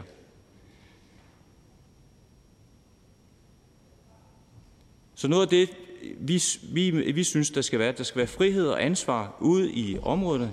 Vi skal give folk øh, mulighed for selv at vælge, øh, om de vil have en offentlig løsning eller en privat løsning. Så skal vi have dygtig ledelse, og vi skal have en folkeskole i bevægelse. Tak for det. Selv tak. Der er en kort bemærkning her, Jens Jol. Øhm, og tak for talen. Jeg, jeg tog lige ordet, fordi at jeg var jo også med i, i Holbæk, og, og vil lige sådan måske også spørge lidt ind til noget af det, som ordføreren nævner omkring. Altså, jeg synes jo faktisk, det var helt åbenlyst, at de sagde rigtig mange gange om alle mulige ting, nu gør vi det bare. Det er ligesom om, der er blevet ændret sådan en mentalitet, fordi de gik ikke ud fra, at de ikke kunne gøre det. De gik ud fra, at det kunne nok godt lade sig gøre, og derfor var de begyndt at handle på en masse ting, og det er ekstremt frisættende og godt, og jo også med til at skabe et fællesskab omkring øh, skolen og børns hverdag. Og derfor tror jeg, at ordføreren har ret i, at børnene bliver inddraget i det. Til gengæld så, og det var jo det, som jeg synes, hr. Alex Vanopslagh stussede lidt over, så er det jo ikke det samme som at sige mere øh, ansvar for egen læring og, og mindre beslutning fra, fra lærerne, men man kan godt få en følelse af, at skole er noget, vi skaber sammen øh, ved, at ting kan lade sig gøre, og man derfor kan lytte til elevrådet. Det er bare lige det der med, at det skal jo ikke sådan misforstås med. Faktisk har vi måske for meget ansvar for egen læring i skolen, hvis man nu skal være sådan lidt firkantet. Ja, det er fuldstændig korrekt, og det, og det kan være, det er mig, der har, der har, har missagt et eller andet her, men, men øh, det er fuldstændig enig, hvad, hvad, hvad ordføreren siger her. Øh, det var jo øvrigt øh, på Kildebjergskolen, hvor at vi skulle have et valgfag, og man skulle have en juniortræner, og derfor spurgte man eleverne, hvordan skulle, det, hvordan skulle sådan et valgfag se ud, sådan at man i fællesskab hvad hedder, formede det her fag. Tak for det. Så er det fru Mette Thiesen. Tusind tak, og tak for talen. Øhm, jeg kunne egentlig godt tænke mig at høre nu, ordføreren er meget optaget af det her med, øh, med bevægelse øh, i, i skolerne. Øh, jeg er meget optaget af, at, øh, at skolerne selv bestemmer, hvad det giver mening for dem. Og det er tit og mange gange også, at der er bevægelse. Øhm, men jeg kunne egentlig godt tænke mig at spørge ordføreren, med den folkeskolereform, som, som sidst blev vedtaget, som har ødelagt, tror jeg, alle kan blive enige om rigtig, rigtig meget, der var der blandt andet en af de delelementer, det var, at der skulle være lærerstyret frikvarter, fordi man ligesom skulle se, at børnene de, øh, lavede det, der var hensigtsmæssigt, og hvor der var læring i. Øh, og jeg var egentlig også meget optaget af det, fru Lotte Rod sagde tidligere omkring, hvor meget læring der også er i leg. Nu kommer jeg selv til at sige læring. Jeg plejer at have at bruge det ord, fordi det er sådan en rigtig folkeskolereform så det vil jeg lade være med fremadrettet. Men det er bare for at høre ordføreren, Mener ordføreren ikke, at det også kan blive for meget politikerstyret i forhold til eksempelvis at tage det her eksempel med folkeskolereformen, øh, hvor man lægger noget rigiditet ned over skolerne, som gør, at de ikke selv tager initiativ til nogle af de her ting? Ja, jeg er stort og, og derfor er vi faktisk også i forhold til bevægelse jo kommet med et forslag om, at øh, den enkelte skole skulle prøve at forme deres egen idé om, hvad er bevægelse, i den ramme, de nu engang har med de lærere og de elever, som de har. Øh, og, og, og derfor også, at, øh, at vi fra Folketinget af slipper speederen i forhold til at detaljstyre. Fuldstændig enig. Tusind tak for det. Øh, og, og nu vi talt, jeg synes, det er, jo, det er jo en rigtig god debat, vi har det her, også det her med at bringe flere kompetencer i spil og anerkende øh, flere forskellige kompetencer, for det handler jo også om lærerne. Det handler jo også om, at man som lærer får mulighed for at have friheden til at sprudle, eller som leder, at lave nogle af de her ting, som man synes giver mening for sin skole. Øh, og, øh, og, og der har politikerne bare blandet sig alt, alt for meget i alt for lang tid. Så er ordføreren ikke også mene, enig i, at hvis vi virkelig skal se nogle skoler, der blomstrer, hvor de netop har mulighed for også at skabe de bedste muligheder for de børn, der går der, at politikerne så simpelthen skal holde nallerne væk? Ordfører? Fuldstændig enig. Og det var faktisk også øh, udkommet af, af besøget i går i Holbæk. Det var netop, at, øh, at ledere og lærere de sagde, politikere, sid på hænderne. Lad være, med, lad være med at lave flere regler. Eller blandt, ja, vi kan godt sætte. Tak for det. Der er ikke flere korte bemærkninger, så tak til Venstres ordfører. Og den næste ordfører er fra Socialistisk Folkeparti.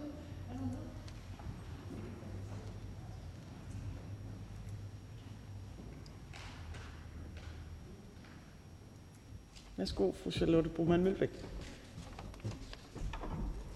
Tak for det. Jeg er dybt bekymret over den mistrivsel, som vi ser blandt børn og unge. Det er børn, der ikke har det godt med at gå i skole, fordi de er utrygge. Det er børn, der føler sig presset og stresset af at skulle præstere og skulle være hurtigere og dygtigere. Det er børn, der hver dag har ondt i maven, når de skal i skole. Og jeg simpelthen ikke under nogen omstændigheder acceptere, at så mange har det på den måde. I forståelsespapiret der aftalte vi, at regeringen skulle lave en national handleplan for at forbedre børn og unges trivsel og gøre op med den opslidende præstationskultur. Det er snart tre år siden, men intet er sket. Og desværre er mistrivselen kun blevet højere. Og der er ingen tvivl om, at corona og de manglende fællesskaber spiller en enorm rolle. Men problemet er større end det. Det er her, det er så komplekst og spænder så bredt, at hvis ikke vi kommer i gang med en national handleplan, så svigter vi en hel generation. Vi skal kigge på fritidslivet, vi skal kigge på folkeskolen og den forebyggende hjælp, og vi skal skrue gevaldigt ned for det pres, som både elever og personale oplever. Der skal ro på. Vi skal investere meget mere i den tidlige forebyggelse, så børn og unge får langt hurtigere hjælp. Og det skal være inden, at man er gået helt i stykker. Desværre så viser den nationale sundhedsprofil, at vi har rigtig travlt. Heldigvis så har vi allerede lavet nogle gode øh, aftaler, øh, som loven om minimumsnummeringer og et løft af folkeskolen og fritidspædagogikken. Men der er ingen tvivl om, at vi i SF vil gå langt videre. Vi er på ingen måde i mål. Vi skal have sat en stopper for de mange test- og karaktertyranniet, der hersker i folkeskolen og i resten af uddannelsessystemet, og ikke mindst den vilde detaljstyring fra politikerne. Når hver tredje unge kvinde og hver femte unge mand er i mistrivsel, så er det ikke dem, der er noget galt med. Den fortælling den skal stoppes. Det er derimod et symptom på, at der er noget, der er ravruskende galt i vores samfund. For et par uger siden besøgte jeg Børns Vilkår, hvor vi havde snak øh, om børnetelefonen. Mere end hver fjerde samtale med unge over 15 handler om trivsel og mistrivsel. Lige under 9 procent af samtalerne handler om selvmordstanker. Det er alvorligt. Og ungdomslivet i dag er virkelig komplekst, der er fyldt med valg og muligheder, som skal håndteres. Og samtidig så, så hører vi om, at de unge de føler sig alene om at træffe de beslutninger. Og med den samfundsstruktur, vi har bygget op, så er de bange for, at der ikke er plads til at vælge forkert eller ændre mening. Det er en kultur, der i den grad er opbygget af politiske beslutninger om, at børn og unge skal hurtigere gennem uddannelse, hvor man har lukket for mange af de muligheder, der var for, at man kunne tage sin egen vej. Det er de færreste, der er bedst af at styre det igennem systemet med 10 og 12-taller, mens de også lige skal huske at pleje vennerne, komme til de rigtige fester, huske det perfekte image på de sociale medier, og så også lige passe et rigtig godt fritidsjob. Det er svært at være et helt menneske på godt og ondt, som vi jo er, med sådan et pres, der konstant ligger i systemerne. Så vi må tage et politisk ansvar for det pres, vi har lagt på børns og unges skuldre, og give dem plads til at komme igennem uddannelse og frem til voksenalderen i eget tempo. Det vigtigste må være, at man kan blive til nogen frem for at blive til noget. Og derfor ser vi i SF frem til, at regeringen forhåbentlig snart indkalder til forhandlinger, så vi kan levere på en national handlingsplan for mental sundhed med initiativer, der fremmer børns og unges trivsel. Tak for det. Og der er en kort bemærkning her, Alex Vanopslag. Tak, øh, også for øh, klar tale. Øh, jeg vil ikke lægge skjul på det. Der er nogle ting, jeg er uenig i, øh, og nu har jeg jo ikke så meget tid, så jeg må nøjes med en af dem, men det er jo faktisk det sidste her med, at vi skal blive til nogen og ikke til noget.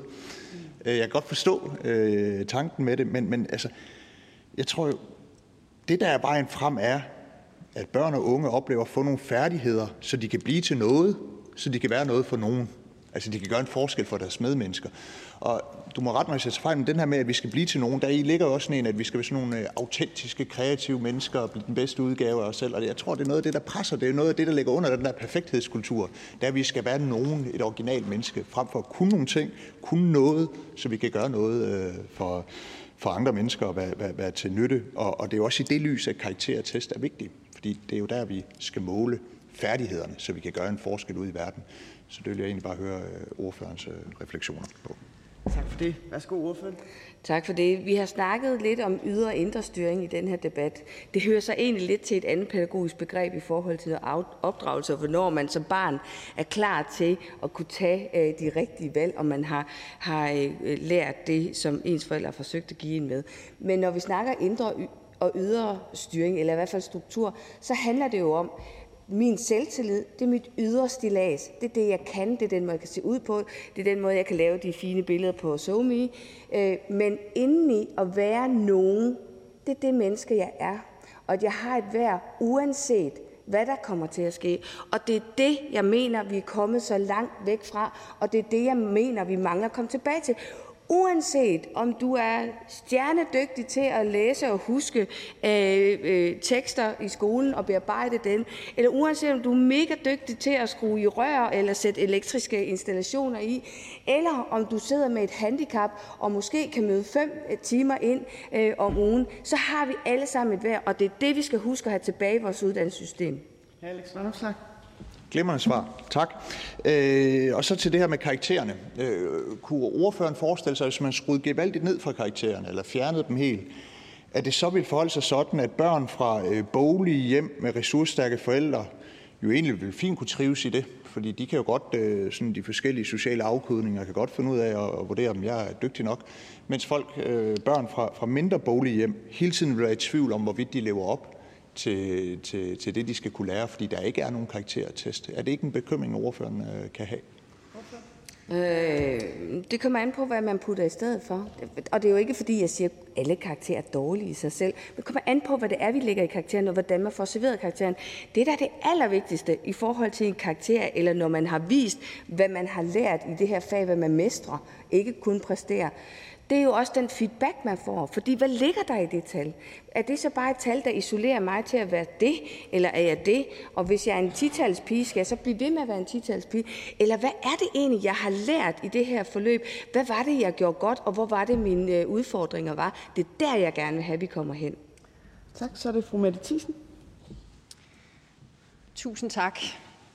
Jeg synes, det er meget interessant, det ordføreren siger, netop det der, den måde, man får serveret karakteren på. Fordi det er jo det, der er relevant, øh, hvordan man får serveret dem. Hvordan, og igen, karakterskaler, det kan vi tage på et andet tidspunkt, har jeg nævnt.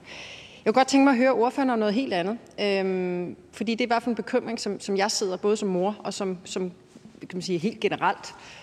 Øhm, der er ekstrem fokus hele tiden på, der er klimakrise. Næsten alt bliver en krise. Det er noget, de unge tager rigtig meget på sig. Øh, og det er noget, som øh, rigtig mange af de her problemer øh, er noget, som også bliver serveret for dem i folkeskolen. Jeg kan se eksempelvis, så skal man tale om FN's verdensmål, øh, hvor man skal koncentrere sig om, om den store verden, om ulighed i tredje verdens lande og alt muligt andet. I, altså nogle gange simpelthen nærmest i indskoling og mellemtrin. Altså øh, det her, efter min bedste overbevisning, det er ikke noget, børn skal tage sig af. Det er voksenproblemer, og det er ikke noget, der skal indoktrineres til børn. Øhm, mener ordføreren ikke, det er problematisk, når voksne mennesker i den grad øhm, øh, laver katastrofescenarier, og på den måde også giver dem videre til børn? Ordføreren? Øh, jo, øh, jeg er også uddannet pædagog, så det er klart, det har jeg da en masse faglige holdninger til, hvordan man taler med børn om det her.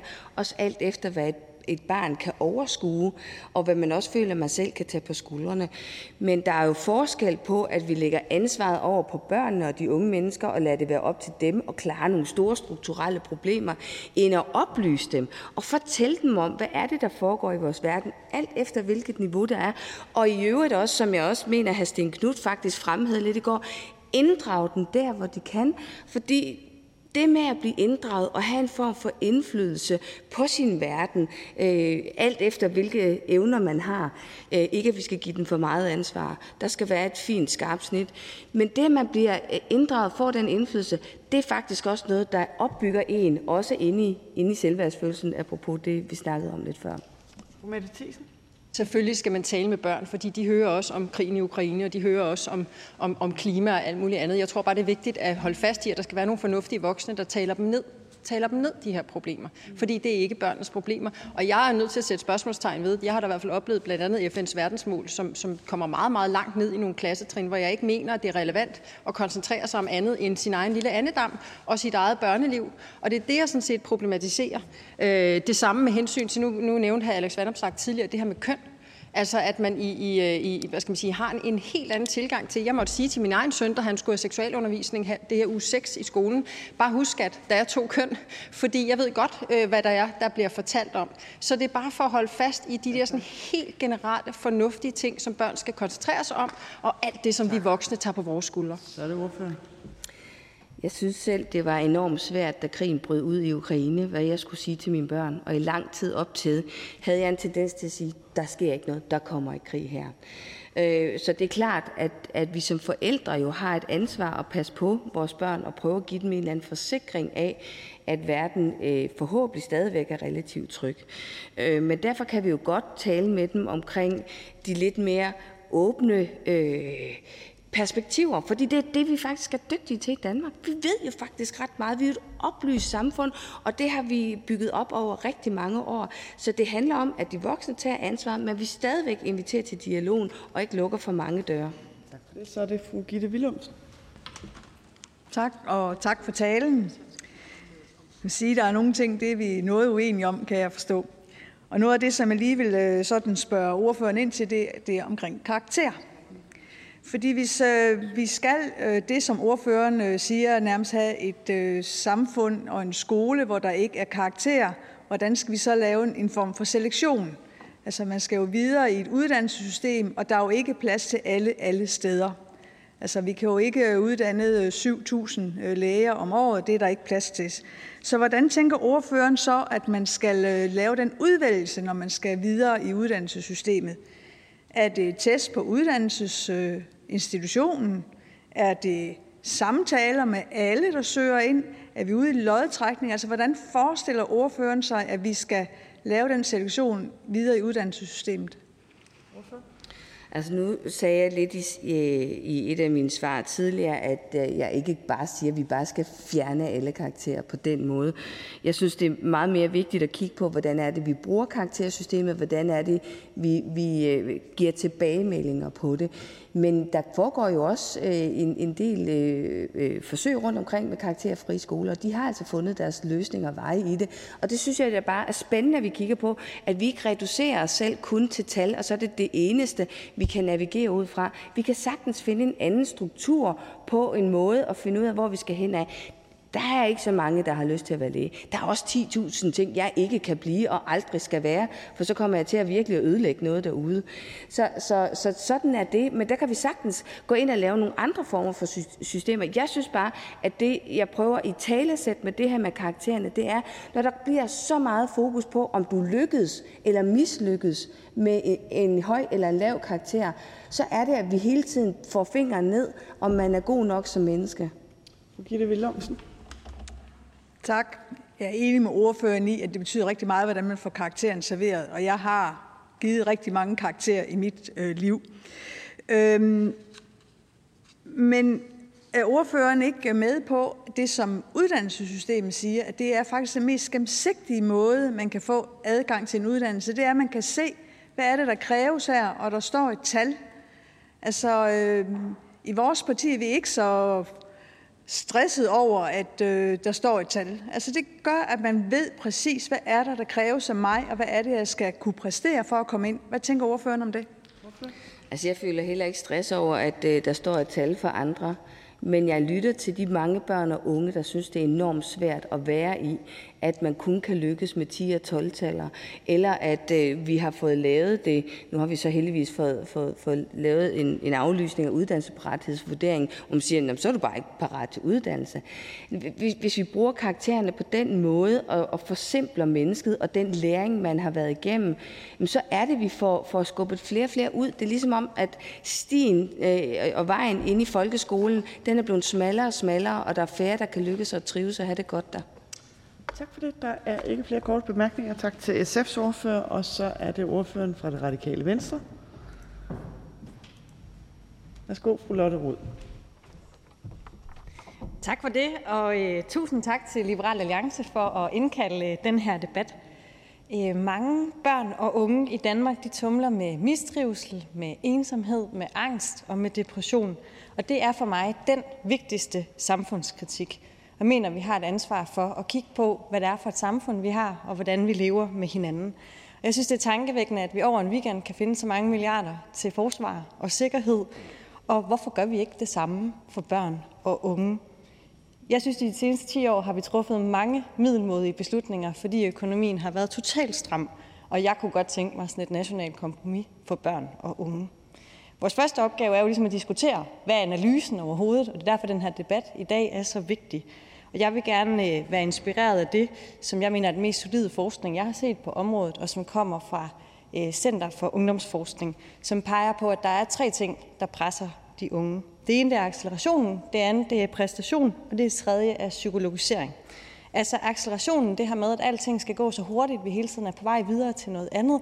Vi kender det fra nyhederne, vi kender det fra de sociale medier, men vi har jo også selv været med til at øh, gøre noget af det ved at indføre stram målstyring, ved at lave stoftrængsel i vores skole, men jo også ved faktisk at træffe beslutning om, at det, man før skulle gøre i 9. klasse, skal man nu gøre i 8. klasse, så alting bare skal gå hurtigere. Så er der det med præstationen. Jeg er jo ikke sådan principielt imod karakter, og nu siger jeg noget, vi ikke snakker om så tit, men jeg har jo faktisk gået på tysk skole og fået karakter i alt fra 2. klasse. Det, jeg synes, der er problemet nu, som vi snakkede lidt om før, det er det her med, at balancen fra det indre styret til det yderstyrede af tippet, og jeg savner noget tid til, at børn og unge kan have den her indre styrede fordybelse. Og så sådan det tredje, psykologisering. Vi øh, ved, og vi taler jo meget mere om tanker og følelser, end man har gjort tidligere, og det er på mange måder rigtig godt. Det bliver bare et problem, hvis alle unge ligesom altid vender det indad. Og derfor tror jeg på, at det vigtigste, vi skal gøre, det er at give noget mere tid til lejen og til fordybelsen. Og fordybelsen i noget andet, der er uden for os selv. Altså Line Tanggaard, hun snakker om det her om læringsglemsel, altså at elever skal have lov, til, have lov til at være så opslugt af noget, at de glemmer det i gang med at lære, og de i virkeligheden også glemmer sig selv. Og øh, en anden forsker, Louise Klinge, hun har gennemgået al den viden, vi har, og kogt det ned til, hvad er det for nogle basale hov, man har brug for at få opfyldt for faktisk at kunne trives i skolen. Og et af dem er at bidrage. Altså det er vigtigt, at man har følelsen af, at det, man er vigtig i fællesskabet. Og derfor så tror jeg på, at øh, vi skal gå i spidsen for at skabe en bevægelse, også blandt for forældre, for leg.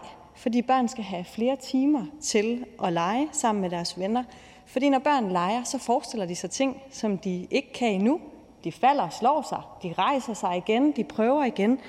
Og hvis man ikke har prøvet det, hvis man ikke har haft tid til at øve sig på det, så bliver man sårbar. Og når børn leger, så skal de også forhandle med hinanden. De knytter venskaber med hinanden. Og de er glade, fordi legen er meningsfuld i sig selv. Og når børn leger, så er de i sådan en uendelig tid hvor de netop ikke er styret af at være på vej til noget andet, men bare er drevet af det, der giver mening her nu.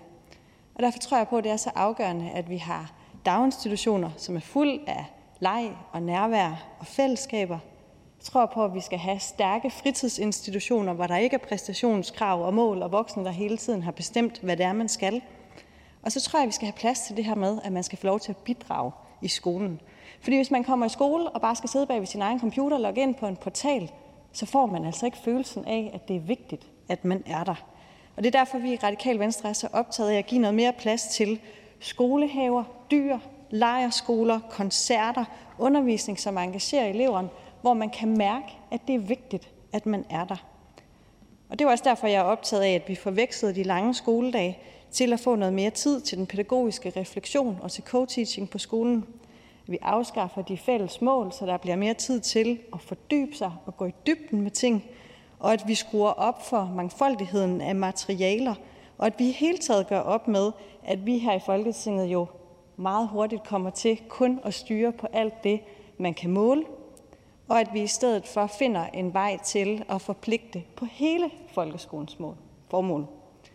Fordi så tror jeg også på, at der kan blive mere plads til det, som øh, de så smukt skrev i Den Blå Betænkning, nemlig at elever skal udvikle sig til hele, glade og lykkelige mennesker. Tak for det. Der er ikke nogen korte bemærkninger til fru Lotte Røds. Tak til den radikale ordfører. Den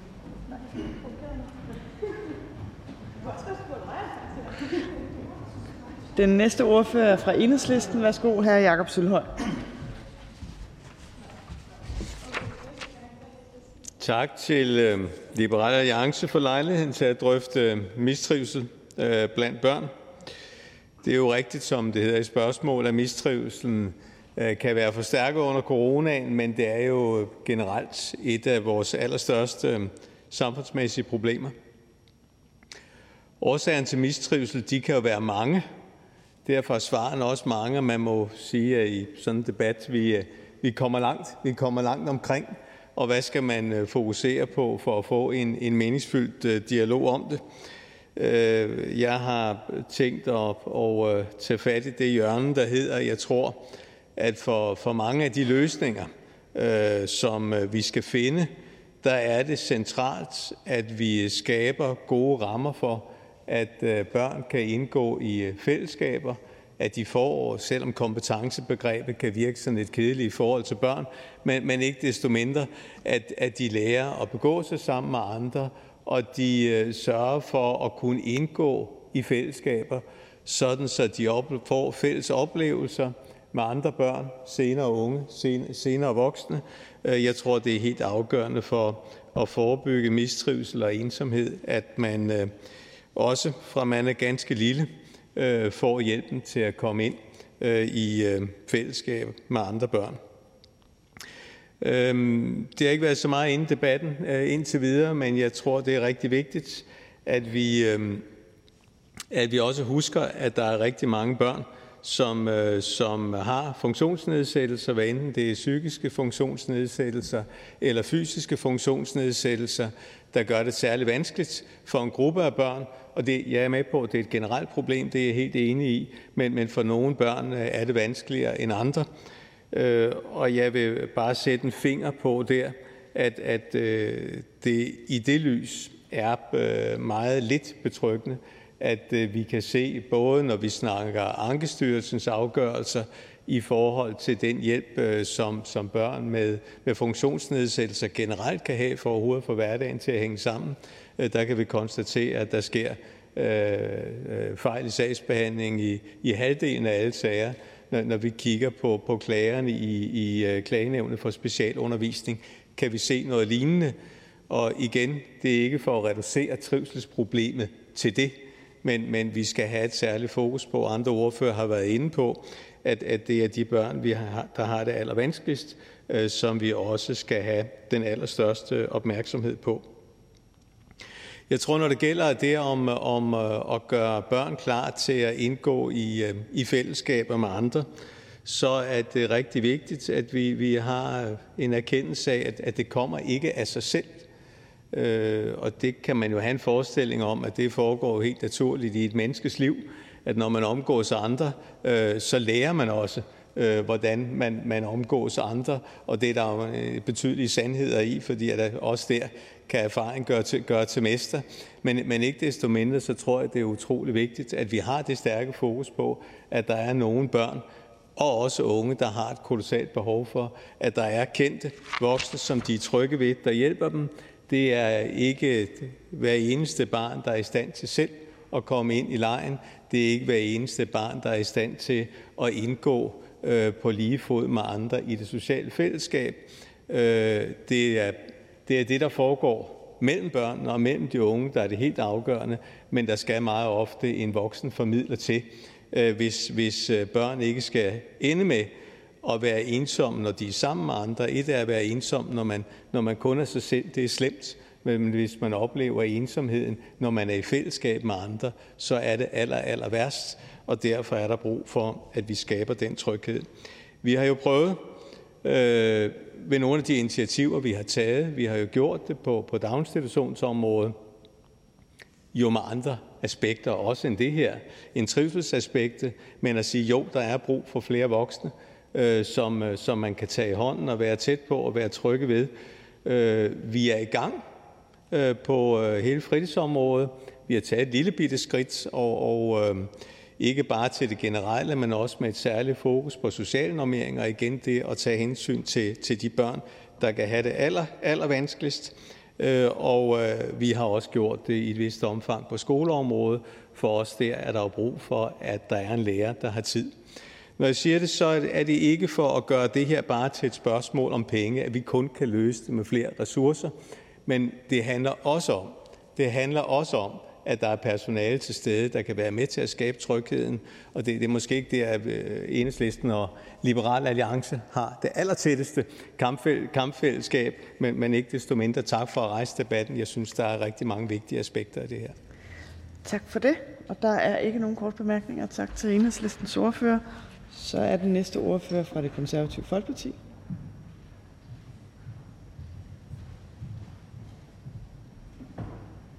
Værsgo, fru Gitte Willumsen. Tak. Tak til Liberal Alliance for at rejse denne debat og sætte fingeren på noget meget vigtigt. Hvordan vi i overvis har vidst, at særligt unge og i særdeleshed pigerne mentalt mistrives. Jeg har lovet at læse den her tale højt for vores ordfører, Maja Mercado, som desværre ikke kunne være her i dag. Og der er nogle meget personlige betragtninger i den, skal jeg så sige, øh, kunne jeg se, da jeg fik den tilsendt i dag. Så øh, I er selvfølgelig velkommen til at spørge ind efterfølgende. Vi ved, at unge mistrives, men vi ved ikke, hvorfor. Der er undersøgt på forskellige vis, men det står ikke helt fast, hvilke årsager det er, som man præcis skal pege på. Og det er jo nok, fordi problemstillingen er yderst kompliceret. Forklaringerne kan være mange, men i dag vil jeg slå ned på fire årsager, velvidende, at det kun er en delmængde af den samlede komplekse problemstilling, øget forventningspres, en fejlslagende folkeskolereform, en ungdom efterladt på perronen under corona, samt presset for sociale medier. Noget kan vi løse politisk, men andet kan vi ikke. Nogle udfordringer skal løftes og løses i familien, men vi kan diskutere det her i Folketingssalen og andre steder i den offentlige, og så kan diskussionen jo fortsætte i familierne. Det første. Nogen peger på, at unge oplever et øget forventningspres for omverdenen. Unge i dag har en helt anden valgfrihed, end der var bare for generationer siden. Dengang uddannede man sig typisk som andre i familien. Stien var ligesom lagt. Man skulle bare betræde den. I dag ved mange ikke engang, hvor stien går hen. De er bange for at tage fejl tidligt i uddannelsessystemet og simpelthen vælge forkert. Når man kan blive alt, kan man blive bange for at være for lidt. Og når man kan blive alt, så stiger forventningspresset fra familien også, og fra vennerne. Det kan være vanskeligt at navigere i. Her må løsningen være, at børn og unge skal blive nogen, før de bliver til noget. At give børnene en robust kerne med hjemmefra, ikke som et buzzword for en jobannonce, men som en særlig tro på, at de er gode nok, som de er, netop fordi de er dem, de er. Og det andet. Andre peger på, at folkeskolen er medvirkende til den rollevidhed, mange unge oplever. Jeg oplevede det selv i går på besøg i Holbæk. Efter at skolen har fået flere frihedsgrader, fortæller mange unge, at de er blevet gladere for at gå i skole. De har fået gladere lærere, de lærer mere, for eksempel ved at have fået fagblokke i længere tid, hvor lærerne kan lægge pauser ind, når det passer til klassen. Eleverne bliver opdelt i grupper. Nogle er på skolen, nogle får undervisning virtuelt derhjemme. Og følelsen af en individuel undervisning, hvor de bliver mødt på deres niveau. Der er ikke den samme ondt i maven over skal nås alt i alle fag. Det viser bare, hvor fejlslagende den folkeskolereform har været. Det har vi konservative ønsket at ændre i overvis. Særligt de lange skoledage udtrætter eleverne. Stod det til os, traf vi en beslutning om at korte de lange skoledage af en gang for alle. Og det tredje. De unge har betalt en høj pris for corona. Det har to grupper faktisk. Ældre og unge. Ældre på plejehjem eller sygehus, som ikke kunne få besøg, og ensomheden, som bare bredte sig. Det samme har været tilfælde for de unge. Mange unge har fået ondt i sjælen under corona. De har været hjemsendt i lange perioder med virtuel undervisning på Teams. Vi har både et fagligt og et mentalt efterslæb, og jeg har desværre en mistanke om, at vi ikke har set den fulde konsekvens endnu. Flere unge end tidligere kæmper med angst. I mandags var jeg på besøg på STU i Odense, som berettede om en stigning af unge, som er ekstremt hæmmet af angst.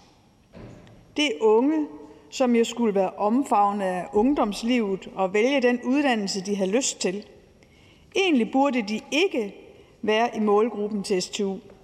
Men de er på STU, fordi den angst, de oplever, er så invaliderende og omstrømgribende, at den fuldstændig definerer deres hverdag så voldsomt. Og nu kan jeg se, at formanden rejser sig, så jeg springer lige... Ja. Men det var ordene fra mig Mercado, og øh, jeg siger tak for ordet. Tak for Eller det. nogen af ordene. Ja, tak for det. Der er ikke nogen kort øh, kommentar, så derfor så tak til det konservative Folkepartis ordfører. Den næste ordfører fra Dansk Folkeparti.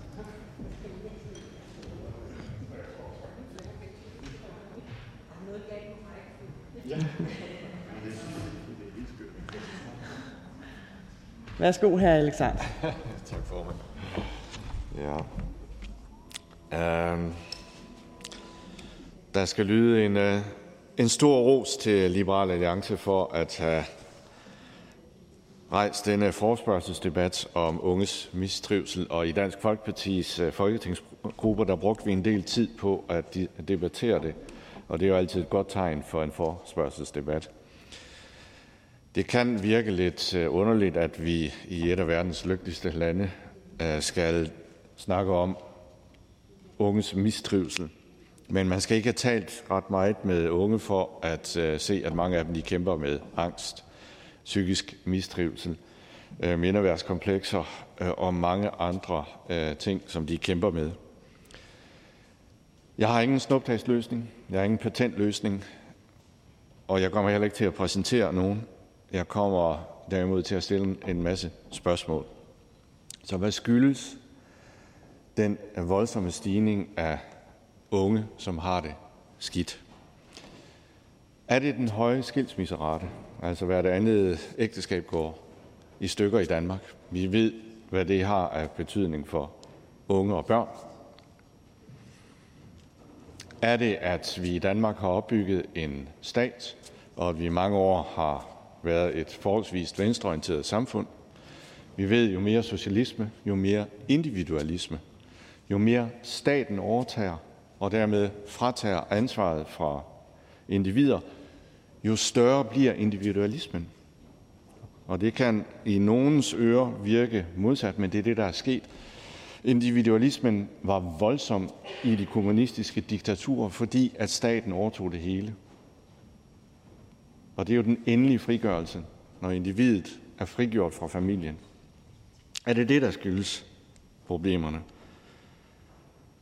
Danmark er på mange måder et maskulint samfund, samtidig med at det er et ekstremt feminint samfund. Maskulint, fordi kvinderne har overtaget mange af de maskuline dyder. Feminin, fordi vi er blevet et konfliktsky øh, samfund, hvor vi er bange for at sætte rammer, hvor vi er bange for at være klare. Er det det, der skaber det? Eller er det den voldsomme digitalisering, vi har været ude for de sidste 10-15 år, med uh, sociale medier en masse, Facebook, Instagram uh, og så videre. Jeg kender dem snart ikke alle sammen, jeg kan ikke uh, huske dem. Er det det, der skaber det? Aldrig har man været så tæt i kontakt, og alligevel er ensomheden voldsom. Ikke bare blandt unge, men især blandt unge. Er det det? Er det den øh, voldsomme identitetsdebat, vi har, hvor alt flyder, som Heraklit sagde for 2.500 år siden? Altså for mig er der to køn, men jeg ved, der er op imod 50-55 køn. Jeg kan ikke øh, finde ud af det. Skaber det rådløshed? Skaber det, øh, at alt flyder hos de unge, så de ikke ved, hvem de er længere? Er det perfekthedskulturen blandt især piger, der også fører til et pres på sig selv for at finde, eller få opnå øh, bedre karakterer i et land, hvor vi først begynder at give karakterer fra 8. klasse.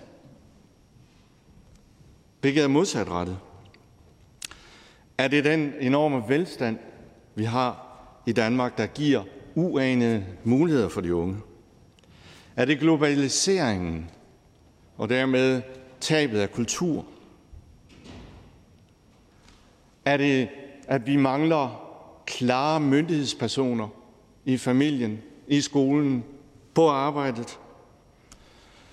Det er jo meget sigende, at Jordan Peterson, den kanadiske debattør, oplever en voldsom popularitet blandt unge mænd i alderen 30-40. Skyldes det, at vi er blevet bedre til at diagnostisere, og at vi har fået så mange psykologer, der taler problemet op? Skyldes det, at den amerikanske globale kultur i dag fylder så meget hos de unge, at de måske har glemt at være rodfæstet i deres egen. Lars von Trier sagde engang, at han følte sig som 60 procent amerikaner.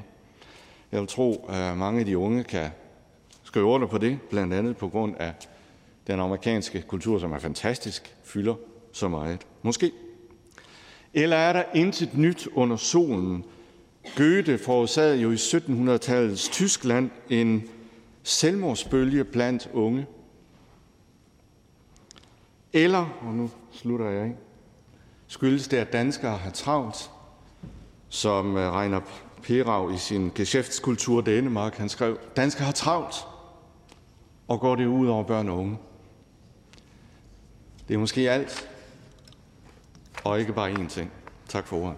Tak for det. Der er, der er et par korte bemærkninger. Den første er til Charlotte Broman Mølbæk. Ja, tak for det, og tak for spørgsmålet. Jeg tænker, at det giver rigtig god mening, at vi stiller en masse spørgsmål og ikke tager alt for mange hurtige konklusioner. Øh, der er rigtig mange perspektiver i det her, men jeg tror nok også, jeg kan konstatere, at, øh, at vi nok ligger et, øh, et, et, et pænt stykke fra hinanden. Men det, der fik mig til at trykke ind, det var konklusionen af, at et venstreorienteret øh, øh, regime øh, øh i Danmark øh, har været med til at, og, og faktisk at give mere individualisme. Altså for det første, så har vi jo haft en blå regering siden 2001 helt frem til 2019 med en mindre pause. Øh, den, øh, den regering blev så også beskyldt for at være lidt blå i sin, sin tilgang. Øh, men, men den stigning, vi har set i mistrivsel, det er faktisk sket under et blåt styre, og hvor, hvor DF har jo været en markant medspiller i den politik, man har ført, baseret på tanker om konkurrencestaten, hvor du er individuel, hvor du skal skabe dig selv, du skal skabe din virkelighed, du er egenrådig, du er egennyttig osv. Kunne jeg ikke lige få nogle kommentarer på, øh, på det?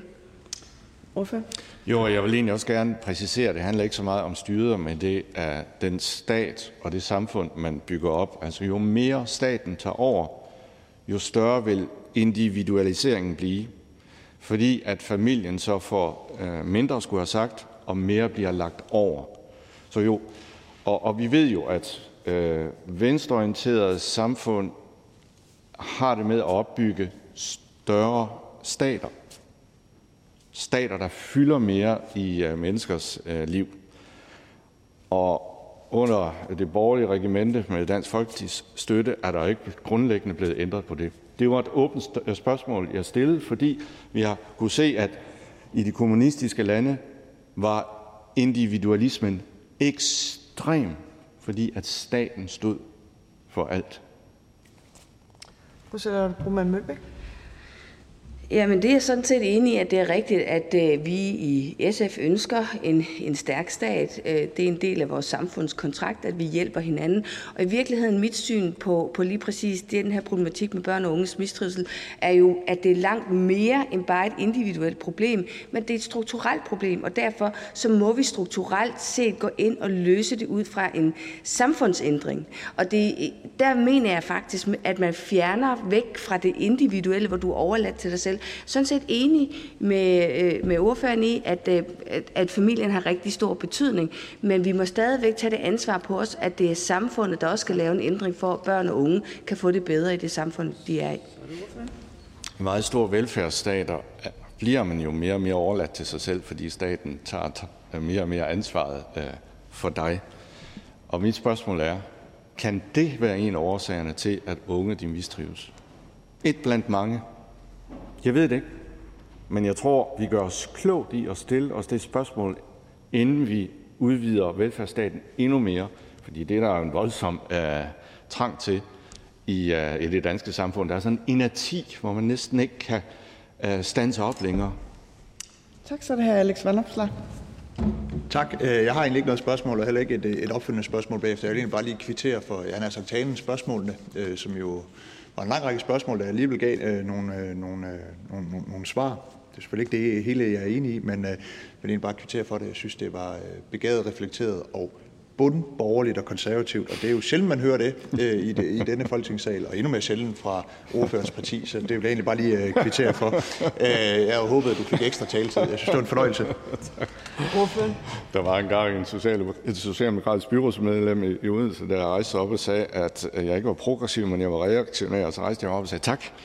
Og, og jeg vil også sige tak til uh, herr Vandopslag, Altså, grunden til, at jeg overhovedet har kunne holde den her tale, det skyldes jo, at Liberal Alliance og hr. Værmslag har indkaldt til denne forespørgselsdebat med det vigtige øh, spørgsmål om unges mistrivsel, hvilket har givet anledning til, at vi drøfter mere i bund.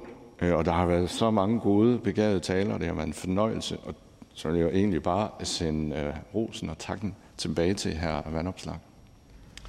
Tak for det, og jeg hørte, der ikke var noget opfølgende. Så, og der er ikke flere øh, korte kommentarer, så øh, tak til ordføreren for Dansk Folkeparti. Og så er det fru Mette Thiesen fra Nye Borgerlige.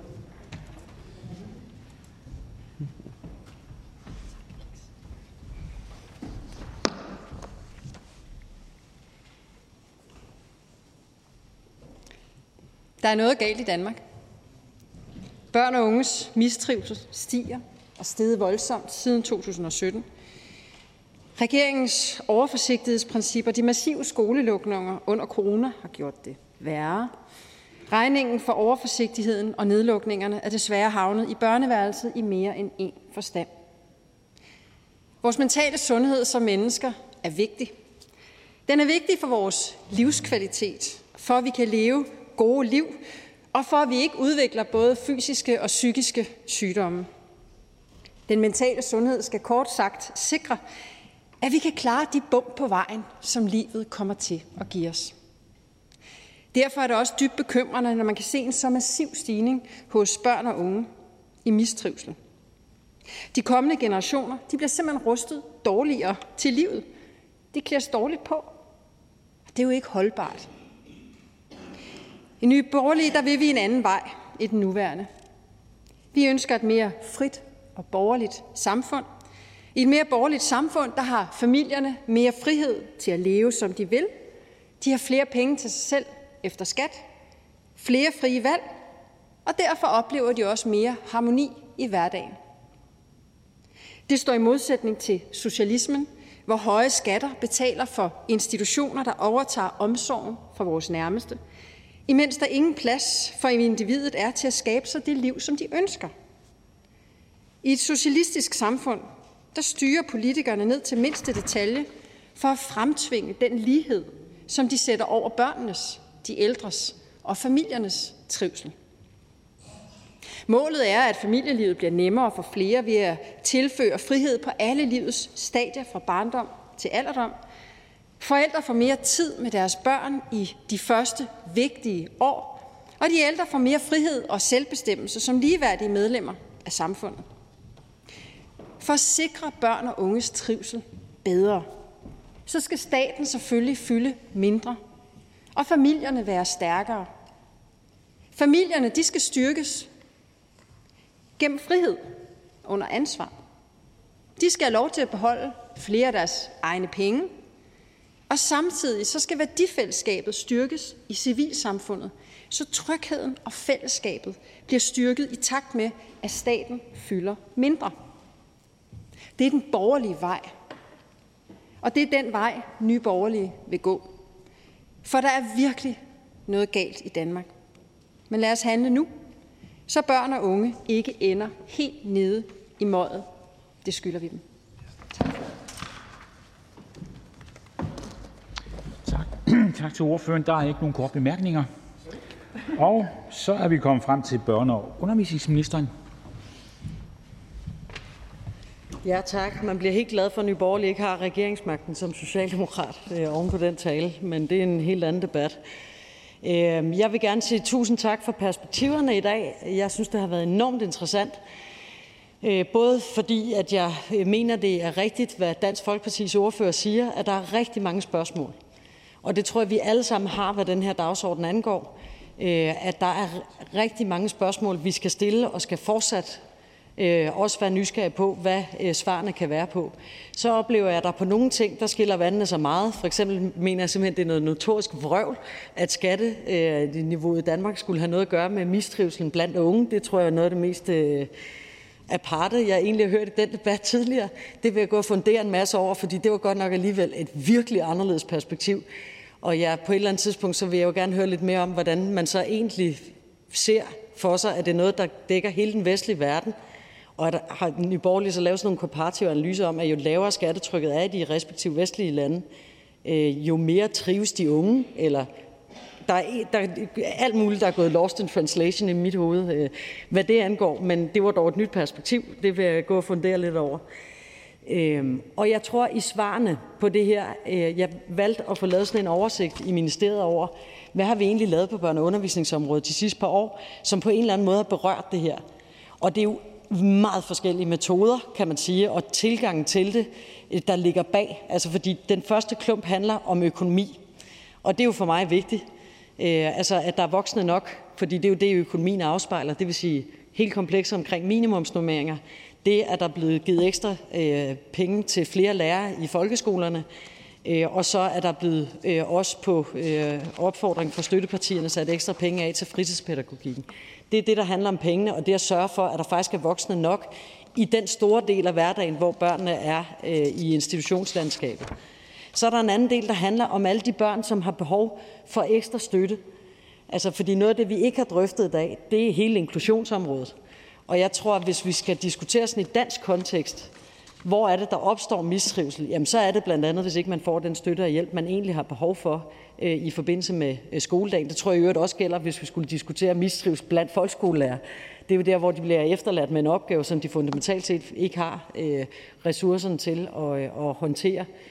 Øh, så jeg tror, at der ligger sådan en problematik omkring inklusionen, Øh, derfor så har vi jo fra regeringens side sat en evaluering af inklusion og den specialpædagogiske bistand i gang. Ja, den forventer jeg mig meget af debat, ikke, måske ikke så meget af selve afrapporteringen, men mere det, der skal følge bagefter.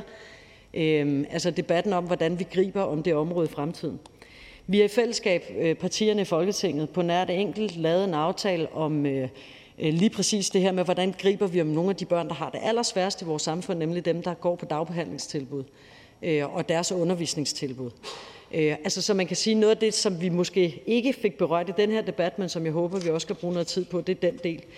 Øh, og så vil jeg sige, at øh, jeg tror, at vi kommer til at gå til det her af rigtig, rigtig mange øh, forskellige veje. Og en af vejene, som slet ikke er blevet berørt herinde, som jeg måske det er jeg måske egentlig lidt overrasket over, fordi der er både blevet diskuteret skattepolitik og alle mulige andre ting. Øh, det er altså de børn, der altid mistrives.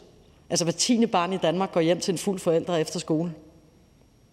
Så når jeg startede med at sige, at der er ret stor forskel på øh, de trivselsmålinger, hvor man måler bredt på barnets tilværelse, altså i fritidslivet og derhjemme og alt det her, hvor at der går det ikke så godt, men i skolen er det faktisk relativt stabilt så er det jo, fordi der også er nogle ting på hjemmefront, vi slet ikke har hånd om, herunder forældres alkoholmisbrug.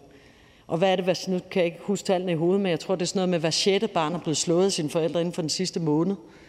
Altså, vi har en voldsproblematik i vores samfund, Øh, som i øvrigt også har en etnisk slagside, øh, som det er for sjældent, vi drøfter med hinanden. Øh, og hvor opdragelsesmønstrene i andre dele af verden jo bliver taget med, selvfølgelig men hvor jeg også synes, man skal tænke lidt over at bidrage til, at nogle forældre lærer at opdrage efter nogle andre, andre mønstre end det at slå sine børn.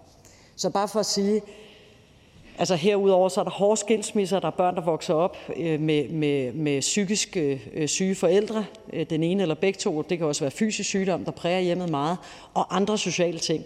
Og det vil sige en stor del af den mistrivsel, vi taler om, en rigtig stor del af den mistrivsel, vi taler om. Det kan godt være, at det ikke er stigningen, der ligger der, men en meget stor del af trivselsproblematikkerne handler jo altså øh, om øh, sociale problemer i familier, Øh, og, øh, og det mener jeg bestemt også skal være en del af de øh, ting, vi kigger på, når vi kigger på hele spørgsmålet om mistrivsel. Men altså tusind tak for perspektiverne.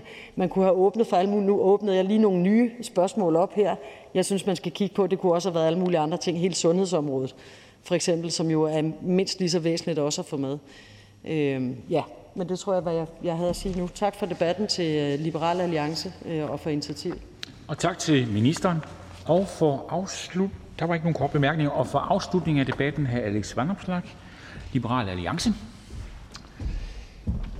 Tak. Øh, jeg skal gøre det kort. Jeg vil egentlig bare takke øh, jer alle sammen for øh, en, en, en god drøftelse, som jeg synes øh, var interessant at, at, at lære i. Og der er selvfølgelig en del ting, vi er uenige, om, øh, uenige med hinanden i, og det vil jeg ikke hæfte mig øh, så forfærdeligt meget ved. Jeg vil prøve sådan at fremhæve nogle af de ting, hvor jeg fornemmer, at der godt kunne være sådan en, en grundlæggende enighed, i, om ikke andet i mål og problemer, og måske ikke så meget i, øh, i de konkrete løsninger, men, men jeg hører, der bliver talt om øh, en styrkelse af myndighedskulturen. Målet må være, at, øh, at børn senere hen kan blive myndige voksne, der kan tage øh, ansvar i deres eget liv. Øh, vi skal have genskabt en, en færdighedskultur, altså virkelig have fokus på, på, på de konkrete færdigheder.